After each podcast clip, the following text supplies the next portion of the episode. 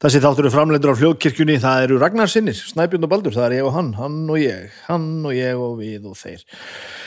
Og hljóðkirkjan eh, býður ykkur sem stendur fjóra þetta í viku, þetta fór nú mest upp í átta hann að síðasta vetur, svo fórum við í sumafrí og þetta dattin í þrjá og ég held að við séum komin upp í fjóra núna og svo sjáum við hvað setur. Sem stendur er þetta af drauga fortíðar sem kvika hvergi, ég voru gæri á miðjungudegi, á förstu dögum er það besta platan.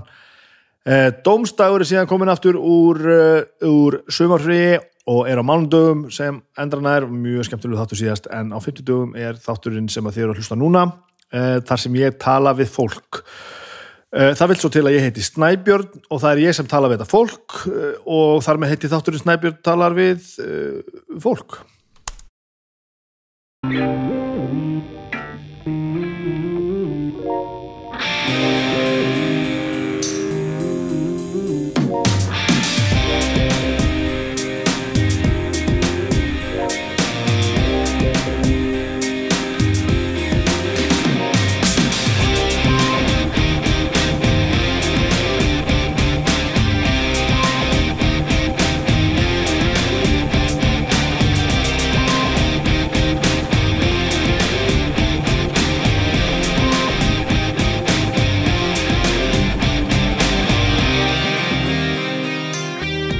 Þannig að það, velkomin í þáttin minn Snæpi tala við fólk, þetta mallar og þetta mallar allt saman, við höldum bara áfram. Við höldum áfram, hljóðkirkjan svona skriða á sumafrí, við erum einhvern veginn svona rétt úr okkur og aðeins fara að fylga þáttum áttur og, og hitt og þetta gerast. Sendur nú frá okkur post, uh, samfélagsmiðla postum um daginn og við erum svona uh, kíkja í kringum okkur með húsnæði.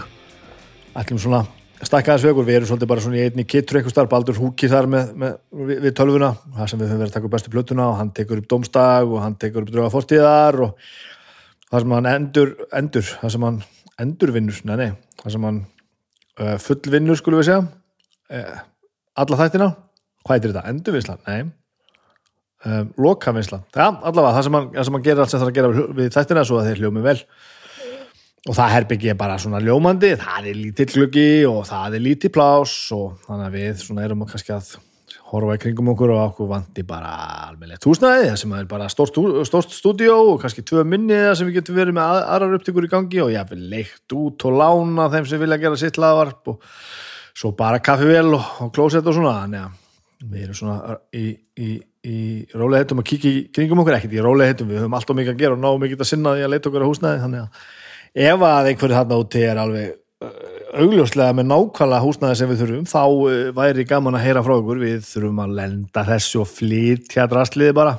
Við erum við erum náttúrulega kassavanir og moldríkir og, og stöndum alltaf við skilum og það væri gaman að gera þetta í, í húsnaði hjá fólki sem að svona lætur Já, það er svona kannski aðeins með okkur í þessu bara, hefur hef gaman að þessi vorum að gera ekki bara að leiða þetta einhverju, einhverju, einhverju skýtköldu persónulösu fastegnafélagi eða eitthvað. Svona ef að það væri eitthvað. Þannig að þegar þið þarna eigið húsnaðið úti þá skulle ég láta okkur vita. Það er nú aðeins svona í þessu meiri hræringar. Dómstæði byrjaði á móndaginn, mjög skemmtilega þáttur sem ég hlusta á, ég held ég alltaf fylgja núna á Dómstæði alveg alveg linnulust á þess að, kvikka frá, það er það er nú mögulega upp á státturum minn hjá Ljókirkjunni domstafur og reyndar listamenn er komið sterkir inn. Hvernig, nú ætlum ég að vona í síkja ljú allir listamenn sem ég ætla að fletta þeim upp hérna. Listamenn okkur byrjaði eftir það held ég ekki. Ég veit nú ekki meira en svo um, um, um, um hérna hljókirkjuna mína, ég veit ekkert hvað að gera sko, baldur sér um þetta alls nei, nei, þeir eru en þá í frí, sko, það er það er blóttaka Dómstafur hefur, já, það er svona gamalt upp á allt, sko. Ég er reyna að hlusta á það eins og ég mögulega get, sko en uh, svo náttúrulega nýrvingill í því að nú er nú eiginlega besta platan að verða upp á slagarpum mitt líka. Það sem að ég eins og ég tala um síðasta þetta þá hætti ég eftir 100 þetta og núna er komin 101 núna er komin 101 þáttur og fyrsti þáttur sem Haukuviðar tók fyrir og þeir rættu það var besta plata með Latta þannig að hann mætti með bestu plötuna með Latta á geysladisk, engin vínill og það er búið að fara á, við törum með þetta sem þetta á eftir ég og og Ómar Úlfur þetta, já, það er ekki það er ekki auðvöld þegar að vera breytingur sem að mann þykja vendum þetta er náttúrulega eins og þegar það er vona að visa og haugur náttúrulega vissi ég myndi gera þetta gríðarlega vel. Hann, hann, hann eh, tók þetta bara upp, um, upp á næsta level og þátturinn er frábær og svo uh, vil ég hennu meina að þetta hafi nú verið þátturinn það sem, sem þið þurftu til þess að hrista sér slennið og svo hafið allt virkilega smódlega fara í gang. Ég geti upplýsta hér að þátturinn á morgun uh, þar um, umfyllunarefni þar er Lana Del Rey.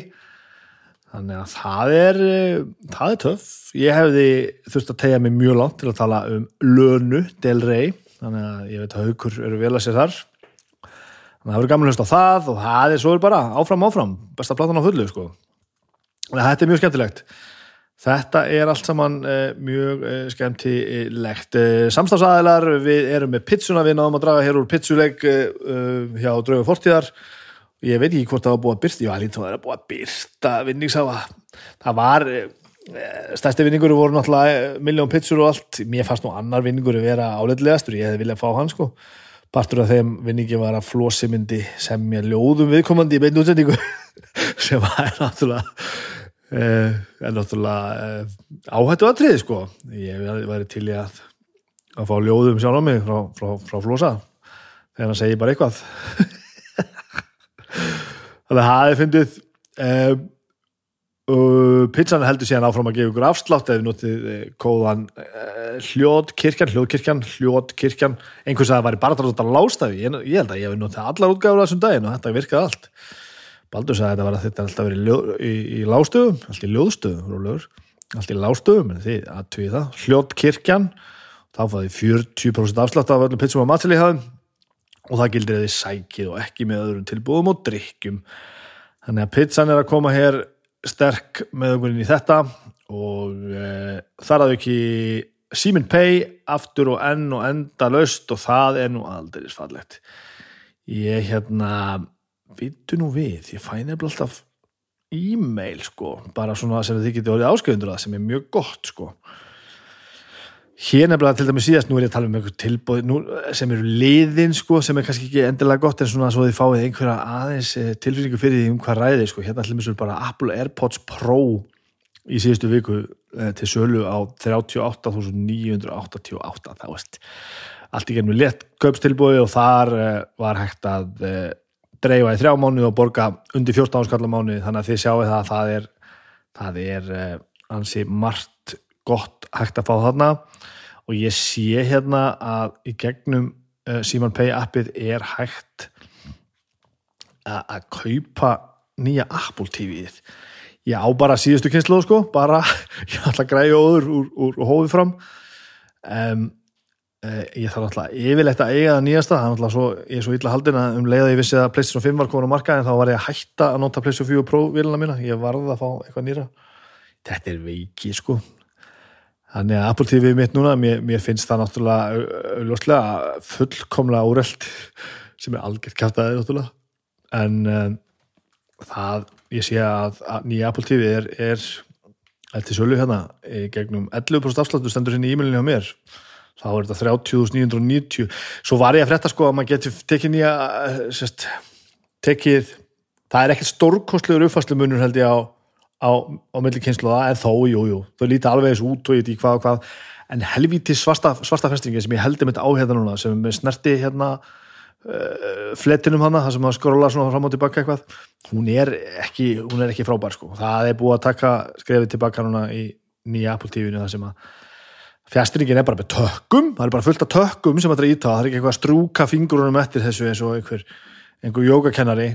Þannig að ég, en einhver sagði mér einmitt að það væri hægt að kaupa bara nýju fjastringunum nota hann með gamla Apple TV ég veit ekki hvort, ég, hvort að ég læt það dög verði ég, ver ég, ver ég rólegur ef að verði ég rólegur ef að, ef að ef ég læt það dög já já, það er vittlust að gera maður. Hvað er þetta, hvað, hvað er fleira um, ég um, já þegar, þegar þetta er talað ég er, ég er að tala þetta snemma í vikunni þá er ég ekki búin að taka viðtal við Þóri Baldursson e, á e, Facebook síðunni hjá hljóðfarahúsinu Þóri Baldursson sem er náttúrulega algert algert legend e, við erum með um, þáttaseríuna heimsókn í hljóð, Horn hljóðfarahúsins heimsókn í Horn hljóðfarahúsins uh, og gesturinn að þessu sinni er Þóri Baldursson sem er náttúrulega já við náttúrulega þekkjum Savana tríóið og það allt saman svo náttúrulega svo mikið að lögum, mörg lög sem að hann hefur komið að sem að maður náttúrulega hreinlega sko, maður áttaði sér náttúrulega bara eiginlega á að, að, að, hann hefði komið, komið nálagt og svo er þegar þetta, þetta er talað er ég náttúrulega ekki búin að taka viðtalið en, en ég hlýt náttúrulega líka þurfa að fara inn á inn á uh, uh, afreik hans á erlendi grundu þar eru við að tala um að hann, hann er maður sem er unni með sko Abba og Elton John og Grace Jones og Donu Summer og alls konar. Þannig að er, hann er ægileg kanona búin að lengi að og ég, ég hérna þetta er mikið verkefni að fara að tala við þennan mestara þannig að þegar að þessi þáttu kemur í lofti sem er þegar að hlusta núna þá getið klára hann og farið sína á, á Facebook síðu hljóðfarásins og og uh, hort á það viðtal, það er hljóð og mynd tekið upp í byrni Það held ég nú maður, það er nú að gera sko, þetta er bara á fullu, það er bara að byrja skólar og eitthvað og við erum alltaf búin að fokka þess aðeins upp, Anna var í einhverjum sumarskóla og svo heldum við að það myndi, endar myndi ná saman, sko, sumarskóla myndi hætta og þá myndi skólinn byrja, það er ekkert þannig, það er einhverju daga sem þurfa að brúa og þá þarf einhver að taka sér frí í vinninu og þetta er djöfusins vesen, ég held uh, verandi loksins með börn og það sem aldrei að Íslands samfélag hafi glimt að gera ráð fyrir að, að maður ætti börn á bílinu svona 0 til ég haf bara glimt að gera ráð fyrir að maður eigi börn. Hvað hérna hvað, hvað á maður að gera?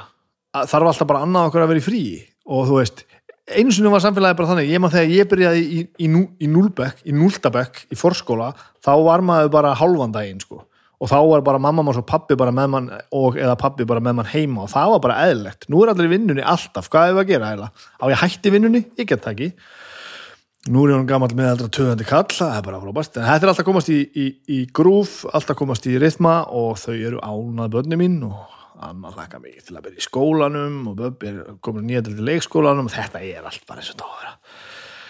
Já, já, já, já. Áður en ég eh, slepp ykkur í vittalið þá ætla ég að nefna eitt einn ein mikinn eh, lukkufund sem við rákumst á á húlu, við erum búin að horfa núna á þessa þess að þætti þrjá fjóra þætti sem kominir eru á húlu á þáttu sem heita Reservation Dogs. Mjög áhugavert. Augljós skýrskotun í Reservoir Dogs eh, Tarantino myndina, fyrstu myndina Tarantino. En þetta er glæni seria sem heitir Reservation Dogs og gerist um, á verndarsvæði frumbyggja í Oklahoma og er gamanþáttur ógeðslega fyndin gamanþáttur um, um fjögur ungmenni sem eru í gengi í svona smábæ þarna á, uh, á frumbyggjaslóðum og ég, það er svo margt annað sem maður þekkir ekki, þetta er svo hérna, framandi heimur og, og, og framandi fólk og framandi kultúr og framandi hitt og þetta. En þetta er ógeðslega fyndið, ógeðslega vel skrifað. Þetta er bara örstuðt í þetta, bara 25 minna þetta er eitthvað og já, komni fjóri þættir as we speak og, og e, bara ég skoraði okkur að tekka á þessu. Þetta er mjög vel þess verði að aðtöða þetta og aðeins svona öðruvísi en um, en við um, kannski horfum yfir þá þetta er, já, þetta er, þetta er, þetta er þetta er svona intellectual en samt svolítið bara eins og Trailer Park Boys. Þetta er, tekja ég bara á þessu, Reservation Dogs á Hulu uh, akkurat núna þegar ég sitt hérna með tölvuna og er að muna einhverja minnispunktar til að segja ykkur hérna það sem ég ætla að gera þá poppar hann Ómar Úlfur hérna upp á Messenger hjá mér og segir ég man ekkert um hvað við rættum ég voru undan mikið sæns á einhverju tímapunkti en þetta var skemmtilegt og ég get alveg sagt ykkur það að það er rétt. Þetta var ógæðislega skemmtilegt ég heyri það mjög fljótlega í viðtalinu það er ástæða fyrir að, að það var svona já, tillega ástæða fyrir að koma nákvæmlega núna. Við þurftum að klára eitt mál sem að ég, já, aðeins kom índla við hann þegar drullaði yfir útastöðuna í, í öðru viðtali hérna fyrir nokkur viku síðan og við bara ákveðum að byrjaði að reysa það upp. Og svo fórum við yfir þessa mjög merkilegu æfi og mjög merkilegu pælingar og hann hafði nógu að taka.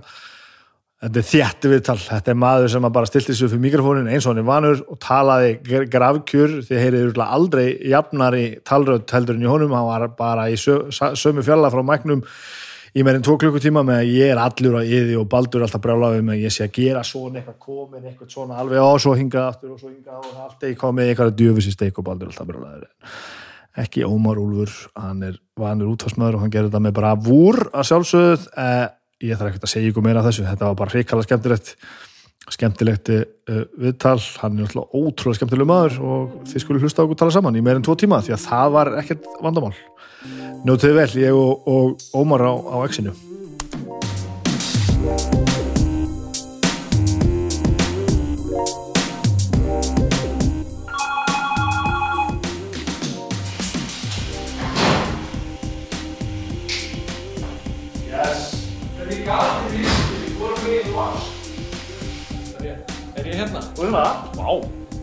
Kaffi og allt. Já.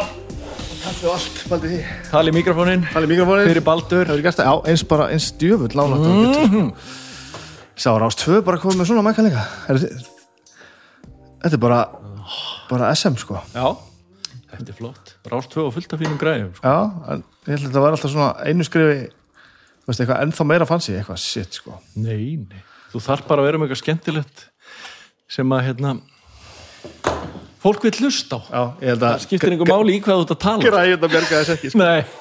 Herðu, fyrst þú ert komin hérna inn fyrir 30 sekundu síðan Aha. ef við ekki bara takla málinn en við byrjum þetta Já. Ertu ekki búin að kveikja það? Jú, jú, Já. við erum byrjaðir Já. Jú, ég er að meina það sko Já, Bara- takla málin. þú veist sko, aðalástæðan fyrir að verða þetta náttúrulega svo sko, ég held ég hef aldrei sagt þetta hérna sko, en þegar ég var að pæla í að fara að vera með þátt sko, að, að þá var ég fyrst eitthvað að pæla, ég er svo hryllilegu svona þema brjálæðingur sko, Já. sem að er stundum gott, stundum ekki gott er eins og með bestu plötuna, þú veist, það var góð hugmynd að mér langaði að tala um plötur sko Mhm. -hmm. en mér langaði ekki bara svona þetta er rosalega góð plata Þú veist, rosalega tókst hauki að koma sterkur inn í þetta maður Þetta Algjörlega. hann kollvarpaði þegar hann bara kom í geisladiski ég fekk bara illt í ég hef ekki illt í andhverfuna mína sko. og ég bara nei, oh, geisladiskur oh, þetta er breytt, þetta er örvísin þetta var samt hlustaði, það er gaman á sko. Já, ég, þú veist, þegar ég var að hætta með það, veist, þegar ég var að ákvaða að hætta með það, þá vissi ég bara, ég get ekki þetta sem þetta myndi halda áfram, sko. Hann var fyrsti maður sem myndi dætti í hug. Ég vissi að hann myndi geta gert þetta að þú þarft svona nördabrjálæðing, sko. Haukur Viðar er maður sem er eiginlega ótrúlegt að skul ekki hafa orðið sko, famous comic in Iceland hann, svo- er auðvitað á ákveðnu leveli en það er svo margt fyndið við hann sko. Hann er svo brjálaðislega fyndin, sko. og hausin á honum, hann hleypir ekki, ekki örðaðis út sko, með við hvað er að gerjast inn í honum sko. Hann er ótrúlega manneska, sko. hann er það, Hann en það var með það, þannig var ég búin að búa til eitthvað þema og þú veist að því að tala um skálmyndinu rétta, nú veist að ég get ekki búið. Bæði að þeim er að einhver ramma og svo einfaldar svolítið vinnuna, bara svona, ég ætla bara að vinna eftir þessari reglu hérna.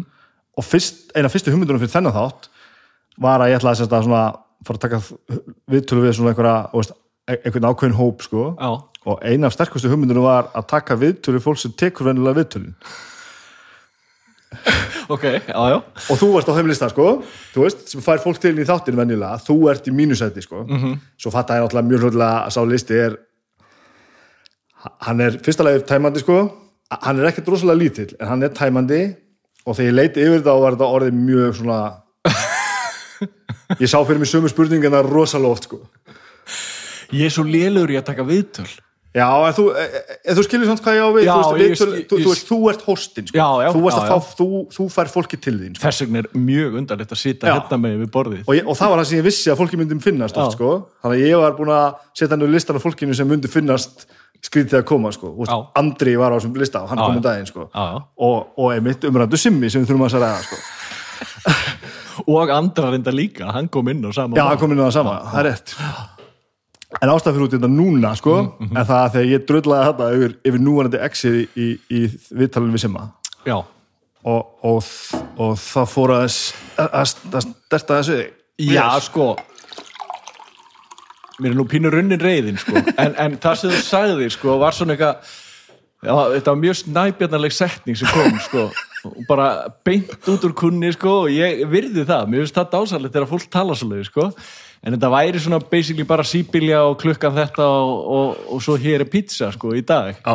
sem það er ekki Nei, en, það er ekki. það er svo vond líka að sita hérna og vera að verja eitthvað svona Nei, ég þú þurfi ekki að verja þetta sko, að, að því ég er alveg sekur sko, ég, ég er alveg tekkað á þessu ég, ég, þetta, ég er ekki að byggja um að verja þetta sko. Nei. en ég er svona kannski útskæri fyrir þér okkur, okkur við erum hérna sko. já, já og ágætlega komið fram að við erum ekkert búin að gera þetta upp sko. En ég finna sko svo kom Simmi náttúrulega inn á þetta sem þetta er basically að þú veist þú ert með ákveðið format þú verður að sinni ykkur ákveðinu format já. eins og mér finnst það nú oft leðilegt en eins og exið er við fáum rosa mikið að vera við sjálf sko það Mhm. er engin að gelta upp í treð okkar með að gera þetta svona eða gera þetta hinsinn sem það er vissulega á flestum öðrum stöðum sko Já. að þú er að spila þetta og við fáum óðalega mikið frýreins en það þýðir ekki það að við viljum auðvitað halda konceptinu, við viljum að fólk hlusti við Já, viljum, já. og það er rosa fín lína ef ég væri að prógramma út á stöð upp úr hausnum á mér Mhm. þá er það, sko, ég ég hef einu sinni á æfinni programmerað út á stuði tvo daga alveg eftir mínum playlista Já. og það var þegar XFM var að loka og við vorum bara að slöka batteríinu og var bara að býða eftir að gæðin kæmi og tæki sendin, það var Slayer Pantera já, já. og ég spilaði bara Tool og, og það, það var rosa gaman, þetta voru einhverju skemmtilegustu tónlistar dagar, út af að ég talaði ekkert í mikrofónu ég var bara að DJ í tvo daga og ekki ekki og bara, mér var alveg skýt saman með allt. Og þú veist, þá væri hún alltaf þung. Þannig komum við samt að þessu. Allt of þung fyrir hvað? það er mjög góð spurningsnafnbjörn, ég veit það ekki svo er þetta með markkópin og þetta Já, þannig að þú bara að fara að tala um það sem mér finnst svo leðilegt sko. Þannig að þú fara að tala um helvítis markkópin sko. Það sem að þú veist, það sem ég var að tala upp með gamla exið, á þess að ég sé núna að fara að drulla við nýja exið, sko, ef við konum þetta gamla og nýja sem er svolítið einfaldað kannski. Þú veist, það sem að kveikti mér þegar ég var að hlusta á og það var sérstaklega exit, það var svona einstaka tímabil hjá öð- öðrum stöðum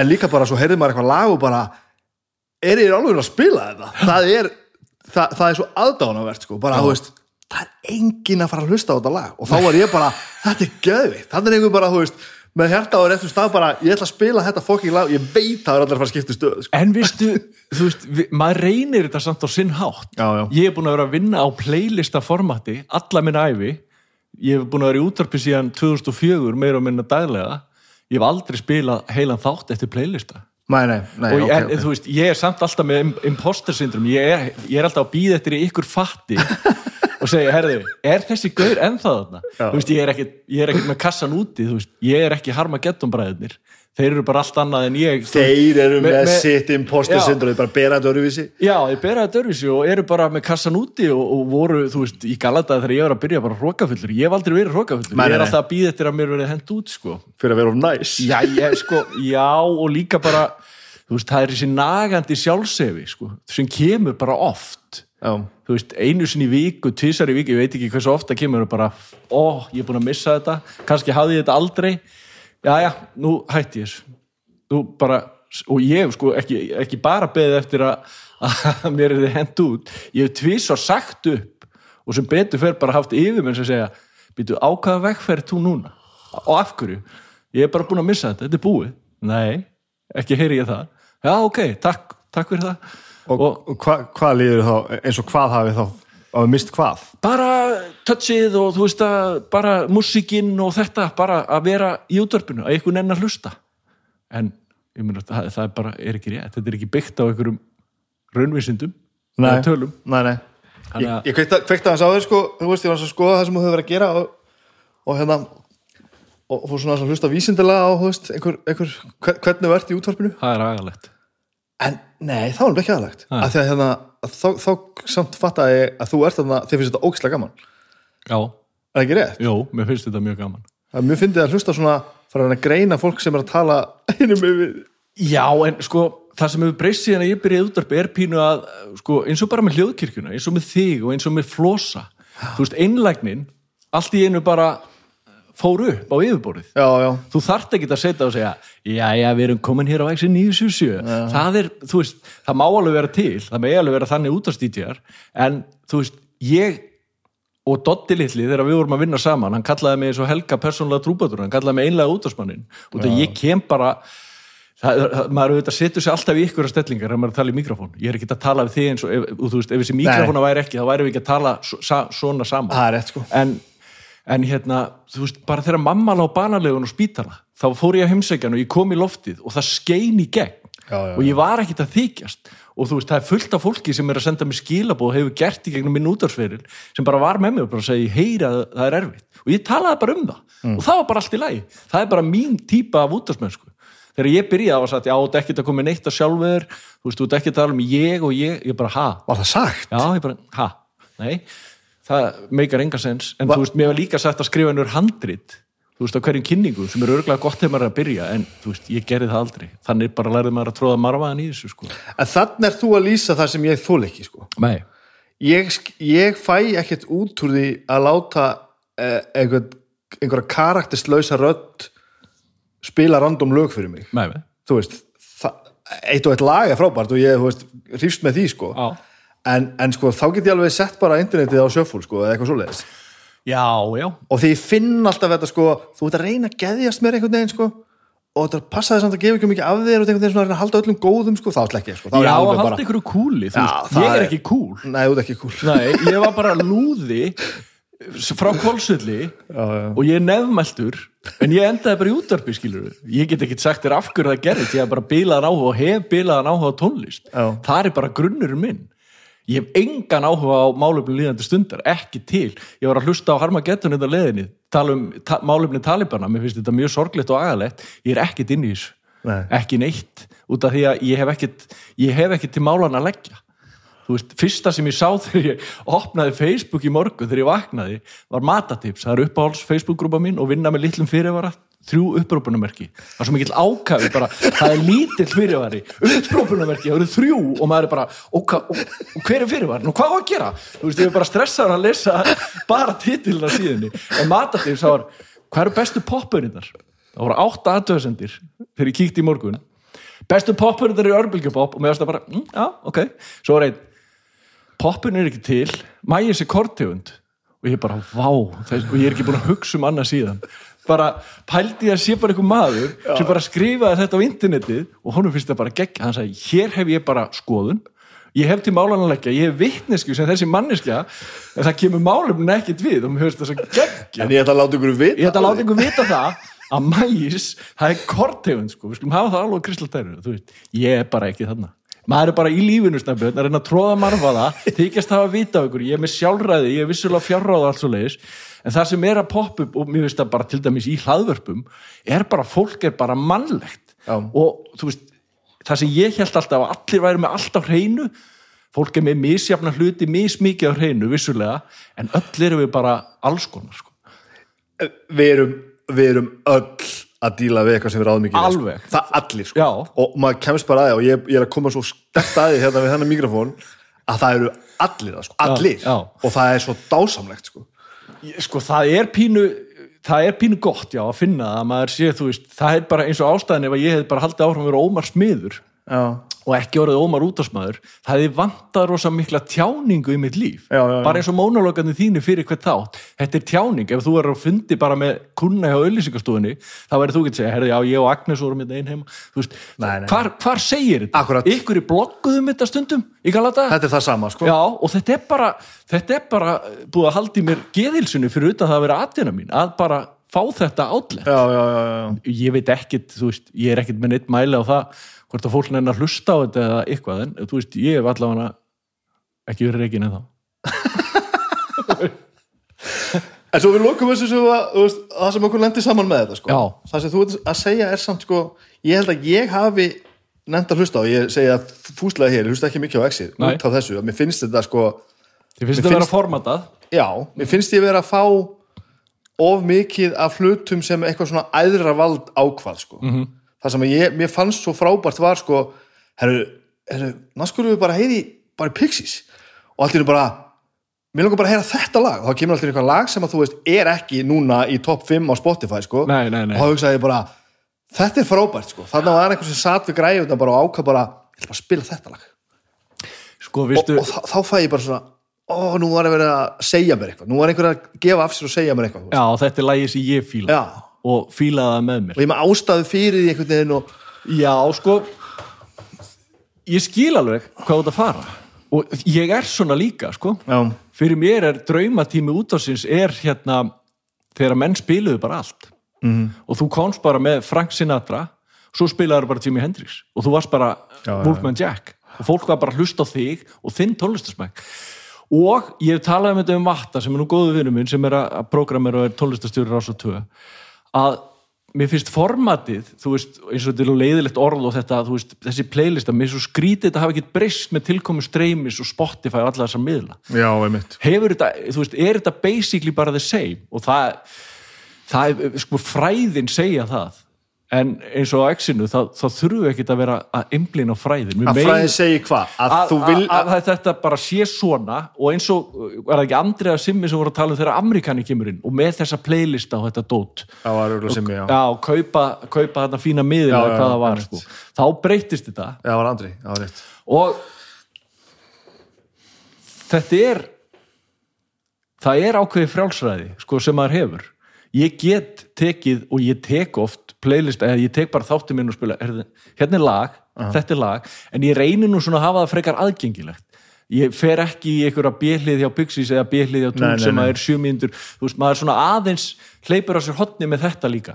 En ég skil alveg hvað þetta fara. Mhm. þetta, er alveg, þetta er alveg valið puntur og svo man ég, þú veist, það sem maður hlusta á þú veist, og, og auðvitað er þetta ósakant að því ég er náttúrulega líka orðin meðaldra töðandi kallin að segja allt það verið betra eins og þetta var sko.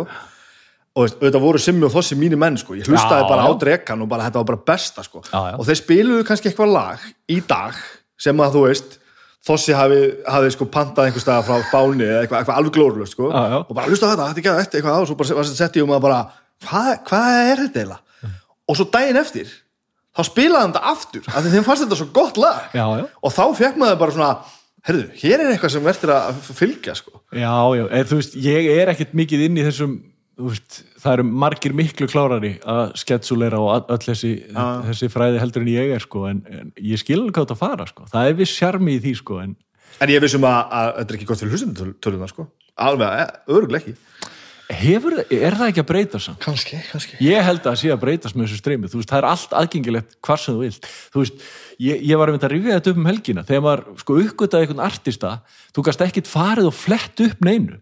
Ég held að Körk og Beinu var í dáin þegar ég var að hlusta nefnum mænkassetuna út að ykkur hafi sagt mér það. Það var engi leið að, verifæja það sko, nákvæmlega. ekki til. Og er veist, ég var á rétt, sko. kólsill það var engin, engin tónlistablöð eða neitt. Nei. veist, þetta á bara veist, þetta er bara svo breyttu tími. Já, og það er ákveðin tími veist, sem að stöðin þarf að hljóma svona á einhverjum ákveðin tíma yfir daytime þetta er svona mantra sem ég hef heyrt sem er ekkit, það er ekkit verið að nota þetta ekki á exinu eða neitt svoleiðis. Svo á kvöldin getur við með sér þetta og eins og þessi bara hlaðvarsveitu þar getur maður að fengið fróun fyrir þetta eins og mér langar rosalega að búa til þátt að segja herðu, ég hlusta bara helling á jazz. Já. ég hlusta bara á íslenska músík. Ég er alin upp við það, ég hlusta á Frank Sinatra. Ég, ég, þú veist, ég alltaf er fyrir ellendi svo reyni ég að kaupa mér eina blötu með Frank Sinatra. Þú veist, er geðvett þú veist ég meina, og þetta er bara svona lit, lit, litlir svona núansar í mín, minni tilveru, þú veist. Já, ég er að fara út, ég verð að finna eina blötu þetta, þessi misjón er svo góð sko. þau eru svo skemmtileg og þau bara gera heilan dag. Bara finna eina sjötumi, ég var í Noregi in the middle of fucking nowhere og fann einhverja litla búð, nokkri vínilkassar og ég fann sjötumi með Frank Sinatra og ég fann einhverja sjötumi með Red Hot Chili Peppers og ég fann Loving You, Mono útgáfi með Elvis í fítnut, þú veist, fyrir eitthvað klink og þú veist, það hefði bara geta komið eld ekki hausinn á mér og deginu var bara redda þetta er svo gaman Já, sko. þetta er svo gaman sko. þannig að þetta er bara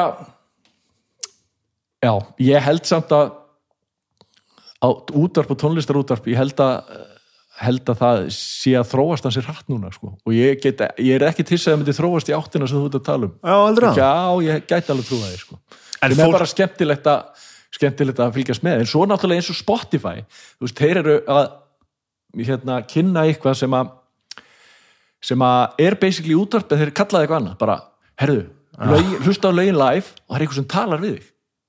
Já, það heitir veist, þeir kallaði eitthvað Spotify Premium eða þú veist, hvað segir það en þannig að einhvern veginn fyrir þetta allt í hringi sko. en sko það sem ég er að segja er samt fólk vill enga, enga breytingar sko. Það er alveg staðrind sé, ég er að vinna á 50 manna vinnustaf þar sem allir eru framsagnir á, á miðum aldrei og hafa það gott sko, Já, já. bara auðlýsingastofa, þetta er alveg svona bara svona vinnustaður, já, en ég meina imposter syndrom er þetta á allt saman á, nákvæmlega sama stað, þetta er allstaðar nákvæmlega eins sko, en það breytir því ekki um leið að verða einhverjar breytingar sem allir helduðu vildu, það fer allt í paník. Sérðu bara eins og ég var að tala um bestu plötuna? Ég bara, er hann Já. hættur?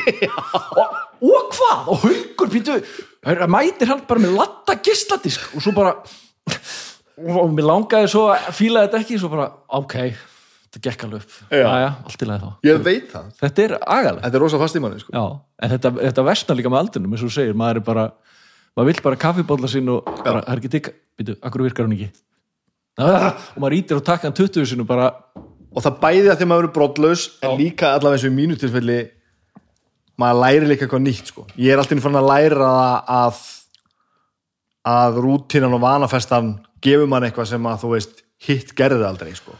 Já, já, það, það er það en það er, veist, það er líka ég veit ekki hvað það er inn í mér til dæmis sem að eins og þetta sem ég var að tala um veist, og ég verð bara að þakka Þóralli Gunnarsinni sem er yfirmaður miðla og Gústa Híðin sem var eins og yfirmaður minn fyrir að tala mig ofan að ég segja upp út af stundum finnst mér ég bara að þurfa að hrista tilveruna já, já, já. segja bara, herðu, það er bara búið að vera eins allt og lengi og ég bara, veist, það getur ekki alltaf átt að ganga vel hristum þetta eitthvað. Þú veist, þetta er agaleg pæling, sko. En þú veist þessi tvö skiptið sem þú, ætlaði að hætta Já. Og búin að ákveða að hætta varstu þá með plan um hvað þú ætlaði að gera? Já, það er bara að fara að smíða. Já, þú ætlaði bara að fara að smíða. Já, já, já, Þannig að það var ekki þannig að þú ætlaði bara að sprengja allt í loftu og bara svona sko- leap of faith heldur þú ætlaði bara Nei, ég, það er óvissu þólið maður, ég er pínu með þér þar sko. það myndi ekkert gangi, ég verð að vita hvert ég á að mæta á morgun sko. Shit. Við erum svo töff. Oh, Nei, en hérna Já, ég var búin að ákveða bara að fara að smíða og ég var að tala þér á hana því sem betur fer því að, þú veist, þetta ég endur þetta ég höfðu báði rétt fyrir sér sko. Og það er mér svo gott að mér svo gott að geta hérna samina þetta sko.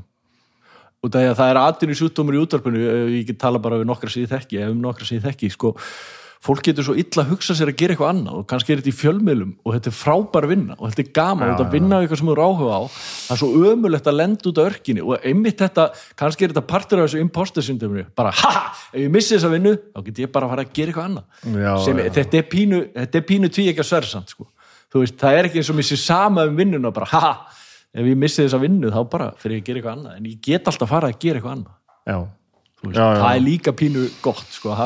ég eitthvað eh, í bakpókanum sko. ég veit ekki sko ég held að ég sé uh, skárhaldin að imposter syndrom heldur margir sko. Ég er einhvern veginn yfirleitt frekar vissum að ég geti gert hlutina sko. Ég held að ég geti, það ekki sko sem er ekki, heldur ekki gott. Nei, mitt er aðalega sko ég sannfærið sjálfa mig um það sko frekar oft að ég til dæmis nenni ekki að búa til þennan þátt sko. Ég kvíði fyrir að hitta fólkið sko. Já, þú veist, ég kvíði fyrir að hafa allt einhvern veginn svona temmilegt þegar að stilli svo öllu upp hérna, þú veist, akkur er ég ekki bara með stúdíó? Þá get ég bara, þú veist, labba inn og ítt og eitt takka, sko, og svo eru börni mín þetta, þú veist, í morgun eitthvað eh, þú veist, dreifandi seriós út um allt og það er allt út um allt hérna og ég veit eitthvað hvernig það á að vera og hérna, svo er þetta svona og, og ég bara svona, ég af hverju er ég að þessu? Ég nenni sig ekkert, sko en svo gerist þetta sem við erum að gera hér. Já, og þú veist, og, og nú er þetta strax orðið frábært. Já spjallið bara verið og svo er þetta bara, hú veist, búið og ég er bara djöfull þetta gaman. Svo En fyrir veistu- þetta, svo fyrir þetta á neti og ég er bara, hú veist en ég er, ég er tveimunduðu setna þá er ég bara, óh, fara að taka enn eitt fokkin vitur, hvað er ég að pæla, þetta er 60 okkar vitur ég nenni þessu, ég hef aldrei nenni þessu, ég vil ekki vera með fokkin þá, þetta er leðilegt brjála álag og já, maður er alltaf að búa sér til álag sko. en viðstu, þetta er allstað svona. Eddie Murphy, Jerry Seinfeld, Jimmy Fallon. Þeir hafa allir sagt það að stundum eru þeir hvenar ertu vissum að þetta sé góð humið, bara ég ætla að hætta við, ég ætla að hætta við, hætta við alveg þangar til að tjaldið er dreigið frá og standum sjóið er að byrja. Já, já. þá bara fatta þér, herðu ég er hérna, og ég er verkvíðin sko, og ég er að taka með smíðaverkefni fyrir fólk, vin og kunningja og ég er alltaf, ég get sko ég veit ég á að skipta um glugga eftir tvo mánuði. Þegar glugginn kemur, ég hef skipt um hundruði glugga, það er ekkit í þessu sem á að koma mér á óvart, ég get kviðið fyrir þessu reglulega fram að þessari stund og þetta er bara, þetta er undarlega tilfinning maður, verkvíðin en verkvíðin er eitthvað sem þú gert hundra sinnum. Og veist þú já, já, já. hvernig er þetta að vera verkvíðinu því? veistu hverju þú ert að kvíða? Þú veist, veistu að það, þú veist, ert að kvíða því að það geti komið upp, upp eitthvað óvænt Já, já, það er eitthvað svoleiðis. Já, bara, ó, geti ég þurft að steipa hann og eitthvað. Og þú veist, þetta er ekkit það er ekkit, það er ekkit að fara að gerast þú sko. ert að tala um 100% sömu tilfinningar og ég er að díla við, sko. Og þú veist, eins og hérna bara, ó, ef að kveiknar ekki á upptökunni og eitthvað, ég hef ekki fullt af vitul og svo þurft, þurft að beða fólkum að koma aftur út af ég klúra tæknivinslunni sko, það ítist ekki á rekki það er alveg agalegt, sko, en þetta er bara minn stærsti óti sko. Ég er bara, er bara þannig sem fer vel saman við græjublæti líka að því ég er alveg, þú veist, ég, þú veist passa alltaf bara allt sér í lægi og bara um leið og eitthvað eru tæft þá bara, hef ég þetta í lægi sko? En það er ekki bara græjublæti, það er líka bara, bara nagandi kvíði því að fokk einhver upp sko, þú þurfa að játa það á mig. En ég meina, þú veist það er svo stutt síðan að við hefðum ekki geta sagt þetta og við hefðum farið með þetta eins og mannsmorð.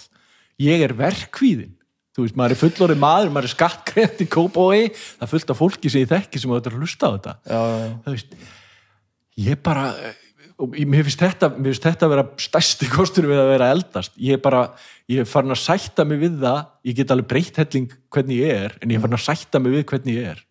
Og ég er hættur að hafa samviskubit yfir því hvernig ég er á margan hátt með svona alls konar Ég held að þessi bæði það að við sem að eldast og það að heimurinn bara að verða að betri stað sko. já, svo getur það Við verið getum bara, feður okkar voru ekkert að segja þetta þegar voru færtuði sko. Nei. Ég held ekki sko. nei, nei, nei, alls Þannig ekki að ég held að þetta haldist allt í hendur sko. ég, hérna, kannski ég bara gengist upp í að vera umiki ég hef einhvern veginn ég hef ekki alltaf verið að skilgreina og veist, af hverju ég gæti ekki gert hlutina ég hef samt oftast held ég átt frekar auðvöld með að segja bara, ég bara ég nú er ég bara farin að svitna og ræði ekki neitt við neitt sko. Nei, nei, málið er líka sko, er það ekki kannski gallið þó- þótt að hlutinni sé að vera betra við erum kannski að reyna að skilgreina allt sko. Jú, þú mátt ekki lappa við götu, þá eru bara allt í einu konar tíu skilgreiningar og, og, og hugtök sem voru ekki til í fyrra sem einu allir eru haldnir já, já. og, og þú veist, ég löngu hættur að geta fylgst með þessu sko en fólk má fyrir mér það er, ég, ég geti talað hérna um ókosti mína í hálftíma og talið á alla upp svona kosti, ég er allavega ekki haldin fordómum, fólk má bara vera hvernig sem það er, Já. hvaða kyn sem er eða er ekki að vesinast í ykkurum öðrum eða með ykkur annan, Mhm. þá er mér drull sko, þá má fólk bara gera og vera eins og það vill. Og það er bara, þú veist, varðandi allar kynnslóðir sko, og fara að segja að unga fólki í dag, það er svona og svona svona. Nei, það er bara ekkit svona og svona svona. Það er bara allir ykkur deginn já, ég held að þetta sé fullkomlega hárið sko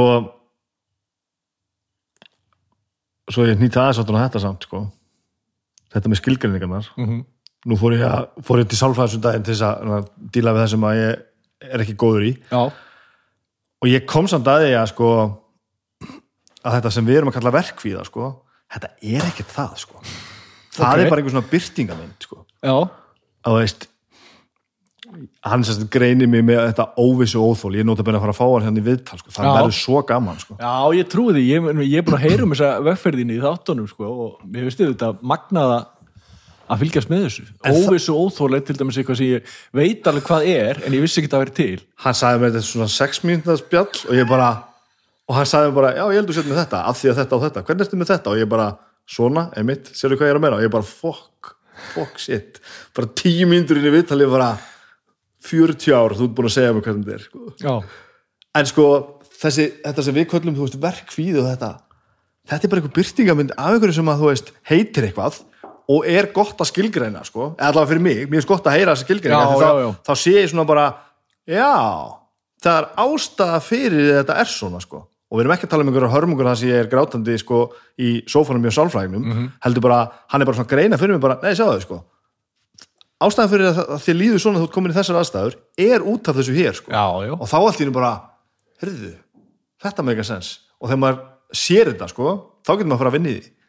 Sko ég er náttúrulega 41 ára uppsöfnuðum issues þannig að þannig að hérna og ég veit alveg að þessi tækir til staðar til að vinna í sjálfis og hjálpa ég hef ekki gert það út af eins og ég segi maður er bara að reyna að tróða marfaðan einhvern veginn í lífinu Já, já. En, en að sjálfsögðu maður færi einhver tæki og tól í hendurna sem hjálpa manni, jésús minn almáttur hvað það er gott svo er þetta bara, og veist, eins og þetta set, set upp sem ég er að gera þetta bara svo hryllilega gaman sko. Já. þá er þetta bara, að þetta er ekki þetta er engan svona, þetta er engar hörmungar eða þú veist, eða einhverja svona þú veist, þú er að brjóta þetta niður til að byggja þetta Nei, upp nei, nei, svona, þetta er bara einhver vísindamaður að, að benda mér á sko, nei, nei, nei, sjáðu, hérna, þetta er svona sko, bara, heyrðu maður.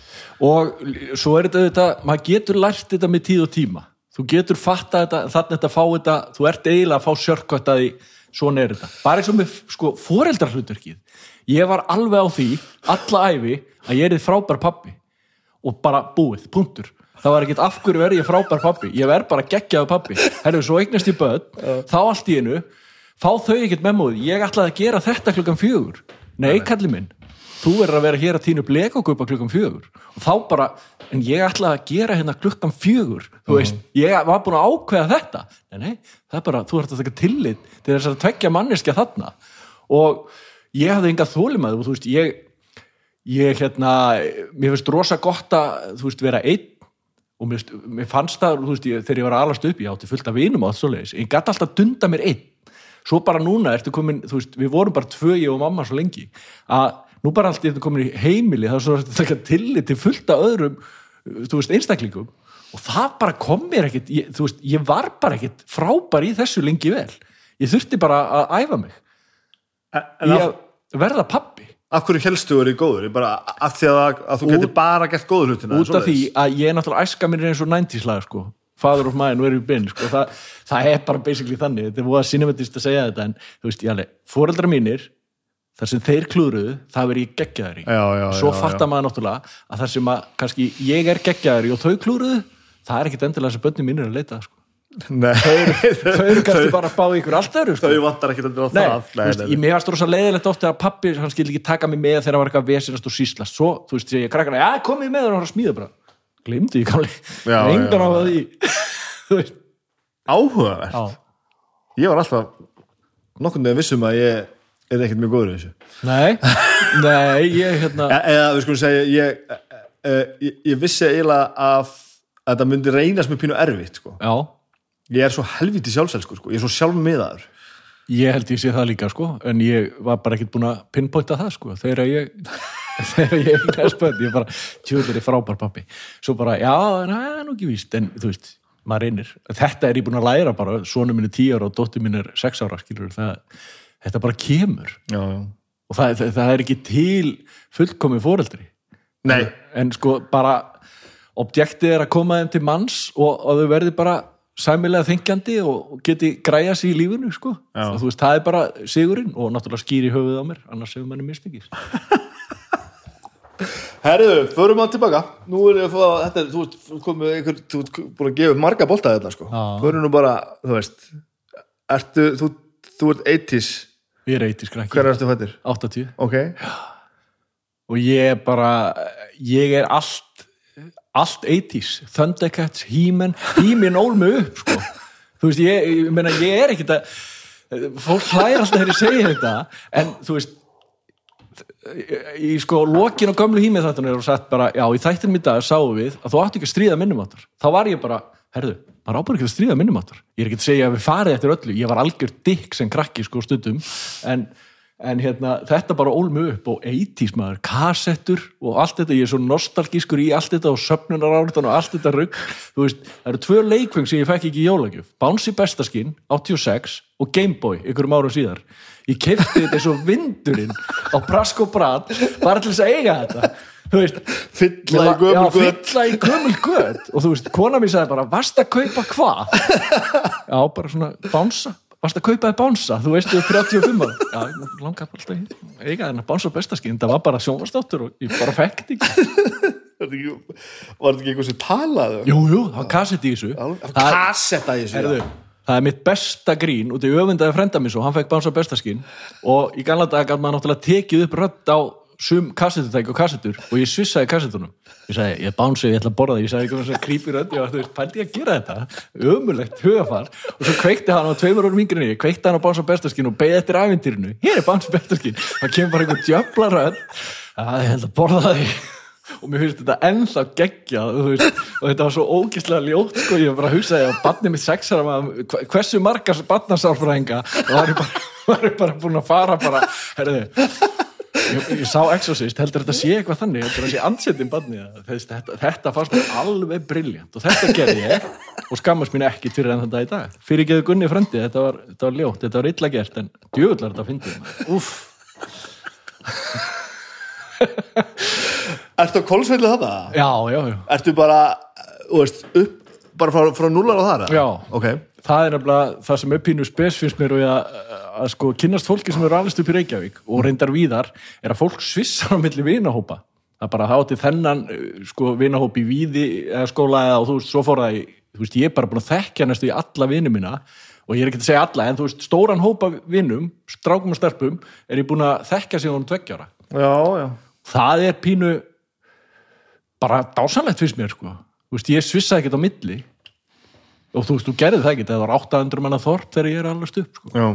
Og maður sá Reykjavík í hillingu þegar þú ert að tala um Simma og Dregan við náðum ekki exunustur og kolsvöld ég mist alveg að þessum tíma. Já, ok. ég kem bara inn í exi þegar tvíhöði var.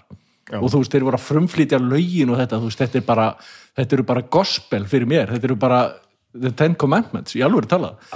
Og, og maður hugsaði, ó, þegar maður kjast í Reykjavík og maður getur farið í keilu þegar maður vill og bíó, maður getur hlusta á exi, ég man að það var stór faktor maður getur bara hlusta á exi en svo fer maður ekkert meir í bíó eða keilu þegar maður flyttir til þegar maður Reykjavík kemur Nei. nei, nei, nei. og maður held, heldur sækir bara aftur tilbaka í sveitina sko.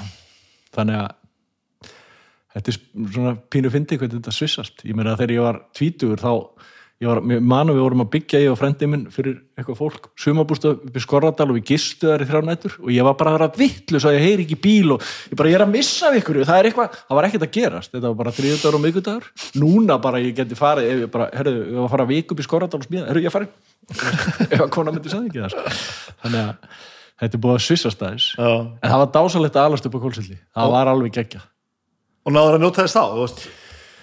eða ertu bara svona eftir á einhvern veginn að Nei, ég náði að njóta þess þá. Sko þetta er nú einmitt eitt sko einmitt eitt sem að ég böðlaðist með rosa lengi. Það er að kenna öðrum um. Og foreldra mínir, þau skilja er sex ára. Og ég, ég, meni, ég er ekkert að íkja ég segist vera næntíslag, sko æska mín er næntíslag og þau skilja er sex ára. Og pappi flytur fljótlega til Norex og flytur nú svo tilbaka og er að svissast á milli en hann skilur nú eiginlega við okkur bæði sko hann eiginlega fjallaðist, eh, við fjallaðist fegandir, við höldum alveg sambandi í dag um Pír á Íslandi, en það er samt svona eins og frendi, það er ekkert svona föður hlutverk það fór alveg þarna. Og þegar þetta gerist þá fær mamma taugafall og nýra og sett inn á klepp. Og ég man alltaf eftir því ég var sex ára þá var ég látin, það var sérst fundur hjá lækninum og mamma í hvítum slopp alveg hökkuð sko og pappi var hérna líka og ég var látið velja á millið þeirra hver ég vildi vera. Og, og hérna og þeir, þú veist, ég sé svipina þegar þeir segja þetta og þetta er hardcore, þetta er fullt af svona reynslu sem á móta mig. En þegar ég var alast upp á kórsvelli þá var þetta ekkit issue. En ef maður segir einhverjum svona sögur í dag þá fyrir fólk bara, oh, greið. En þú, ég veit þetta hefur haft ykkur skonar áhrif á mig og alls ekki til góðs alltaf en það var dásalega æska hún var það sko. Já, veist, Men ég, var aldrei, ég grenjaði mig aldrei í svefn en þú veist, það var bara þetta var veruleikin sko. Svipurinn kemur nú aðal ámanna þegar maður hugsa bara þú veist hvernig var það þannig að það var svona að vera lagt á börnin sko. já, já, svo er það þetta, er- það, þetta, er, var, það er ótrúlega aðferðafræði sko. þetta er rosa spes. Og mamma náttúrulega var gríðalögur alkoholist og ég elst upp hjá henni frá sex ára aldrei í gríðalögum alkoholisma og en hún var ekki slæm kona. Og hún var rosalegasti foreldri sem ég geta hugsað mér. Og ef að ég hef ekki verið aln upp svona og ég er ekki að segja að ég, ég hef skaklapast í gegnum lífið, ég skal alveg vera fyrstu til að viðkynna það, en þetta gaf mér samt þennan grundöll sem lætur mig bara fungera í dag. Ef ég hef verið aln upp hérna að selja þetta í ykkur góðari, ég hefði drepist á Ibiza 97 með aflitað hár í sketsaskón það er, er bókamál bókamál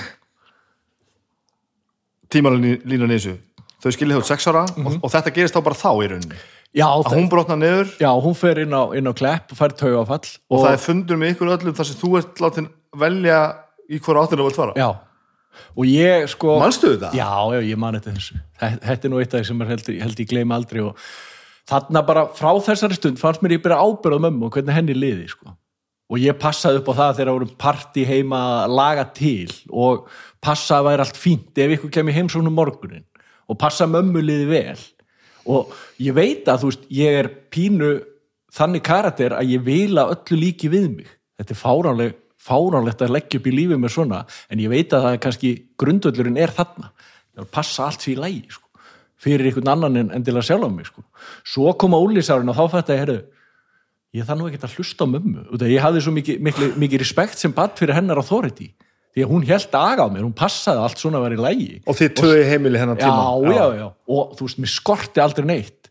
Ég meina fyrir utan þennan fund, þá er eina minningi sem ég á frá skilnaði fóröldra minna er að jólin eftir fekk ég allt tímen bara, sem bara allar hallirnar og öll tækin.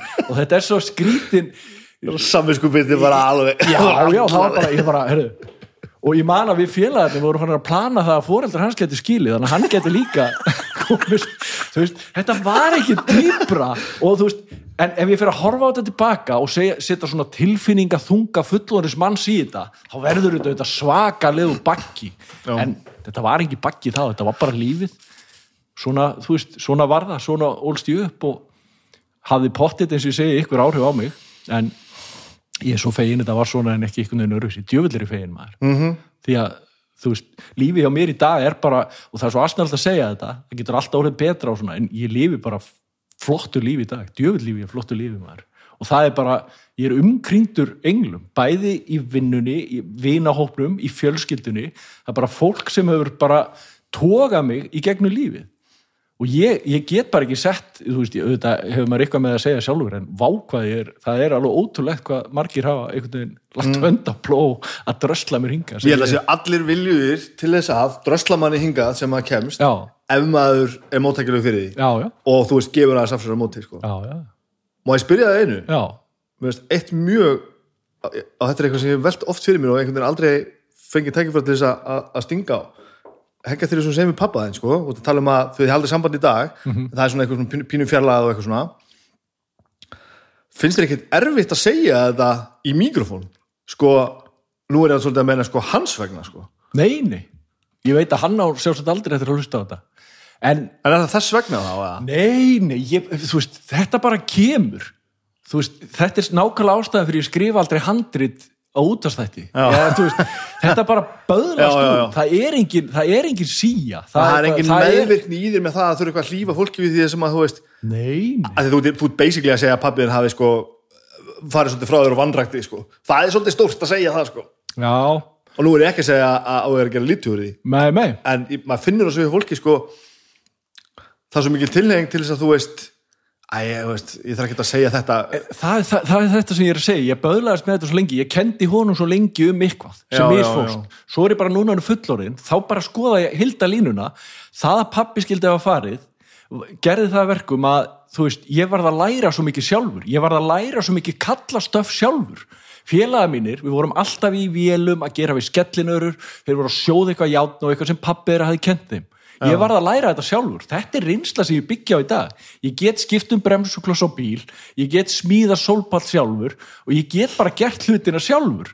Og ég læra að raka mig í Íslandi daginslega og Þorstinni Jóð þegar ég fór og kíkti á rakarastofuna hjá hérna pappa Mikka Torfa. Torfa rakara hérna på hlemmi. Og hann sagði, svona átt að raka? Ég alveg, já, ok. Og svo bara kefti ég mig gillett rakil og fór að raka mig. Þú veist þetta, þetta hefur skilað þó þessu í reynslubankan og kunnáttubankan sem að hefði ekkit komið annars já, já, já. pappi var aldrei að gera við vélar með mér hann er og allt svolítið ég hefði gríðalan og hef alltaf haft gríðalan áhuga á slíku stússi en hann var bara ekki þar hvernig fór þessi gremja þá að koma? var það þá það setna? bara úling já. vá, maður, maður byrjaði að drekka sjálfur og svo náttúrulega þegar ég fattaði það ég var alveg eins og mamma, ég var bara alkoholist eins og mamma sko. Þú veist, þá, og ég man bara það var ekkit, ég man bara eftir því ég satt í mentaskólum og lögavatni inn á klósti þar að drekka landa og, og ég hugsaði, djöfullin maður ég er alveg eins og mamma. Og það voru svo mikið vombrið ég held ég væri nú ég held ég væri nú aðeins meira töff sko. Út af því að þú veist, ég held einhvern veginn að maður ég held alltaf ég er alveg með þetta sko bara ég held að lífi bara, veist, þetta, og ég, málið er að ég, ég held einhvern veginn að myndi allt ég, sko tónlist hefur fyllt mér því ég fættist ég lærði að syngja árin læra að tala. Og það er bara þannig. Og þú veist, lög og ég læri text og ég kann texta við ótrúlegustu lög. Og þetta er bara, þetta er ekkit sko, fólk getur fíla tónlist. Ég held að þú sitt miklu nær mér í þessu heldur en flestir, en eins og kona mín. Fyrir henni er bara tónlist eitthvað svona með. Þetta er bara geðli fyrir mér. Já. ef ég heyri gott lag, eins og bara í gær Don Everly er dáin, Já. ég hlustaði All I Have to Do is Dream, veist það bara eitt af tíu bestu lögum sögunar, ég hlustaði og gláða 20 sinnum í gær, Já, bara sama lagið, bara, ó, já, hann er dáin já, og djöðlar og mér finnst það bara svo gott lag. Og ég man ekkert hvað ég ætla að fara að segja en þú veist, tónlist er bara þessi þráður gegnum lífið. Og hvað ætla ég að segja, ég maður ekki. Þú varst bara á Þetta klósett var- og já, og svo ætlaði ég að vera rockstjarna ok, það er bara, það er bara ground zero. Frá, Frá því bara ára aldri. já, ok, ok, ok. Bara ætlaði að vera rockstjarna og, en að ég hafi lært á hljóðfæri eða gert eitthvað til þess að verða það? Nei, ég ætlaði bara að verða það. Er nú margi farið þáleið og gengið já, ágætla já, en þú veist, það var ekkit svona herðu, ég ætla að vera lögfræðingur. Já, þá er að fara í skóla. Já, já, já. nei, það var ekkit þannig. En kannski er þessi út af strömmur það er náttúrulega næsta sem ég kemst í að vera rockstjarna. Já. og það er bara frábært, ég er að vinna í tengslu við tónlist og það, það gefur mér rosa mikið. En þú segist að ætlaður rockstjarna ætlaður raunverulega að verða rockstjarna ætlaður, ætlaður að vinna með það? Já, já, ég ætlaði bara að fara í hemmagunn syngja átt ára, sláðu gegn. En þegar þú ert komin á laugavat, hvað ætlaður þá? Veist, ertu, ertu þá er ég komið nagandi, sko, ég var svo mikill lúður sem múllingur, sko og, og ég er þessi sami lúði. Ég var bara, ég var asnalega útlítandi ég átti ekki sjens í neina stelpur. Ég var á vinasvæðinu bara sko ekki bara á Kolsvöld eldur og öllu Suðurlandi. Og, og, og þú veist það hefur verið grátið svo mikið á öxlin á mér og hún er ennþá blöð sko. Ó, ég þekki þetta alltaf Já, og þá bara einhvern veginn fjallaðist rockstjöndu draumandi pínu, sko. Þú veist, ég var alltaf bara rótari, sko. en ég hafði alltaf þess að drauma inn í mér og mér er þessi ennþá er ég að ég gæti alveg, ég gæti fucking sungið þetta lag.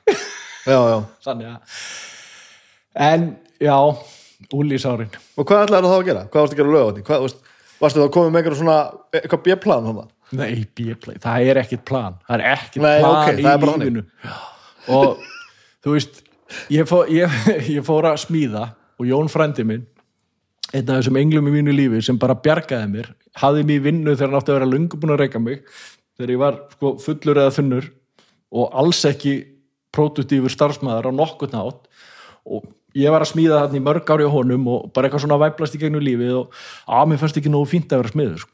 Það var ekki, ekki, nógu, ekki nógu fínt sko.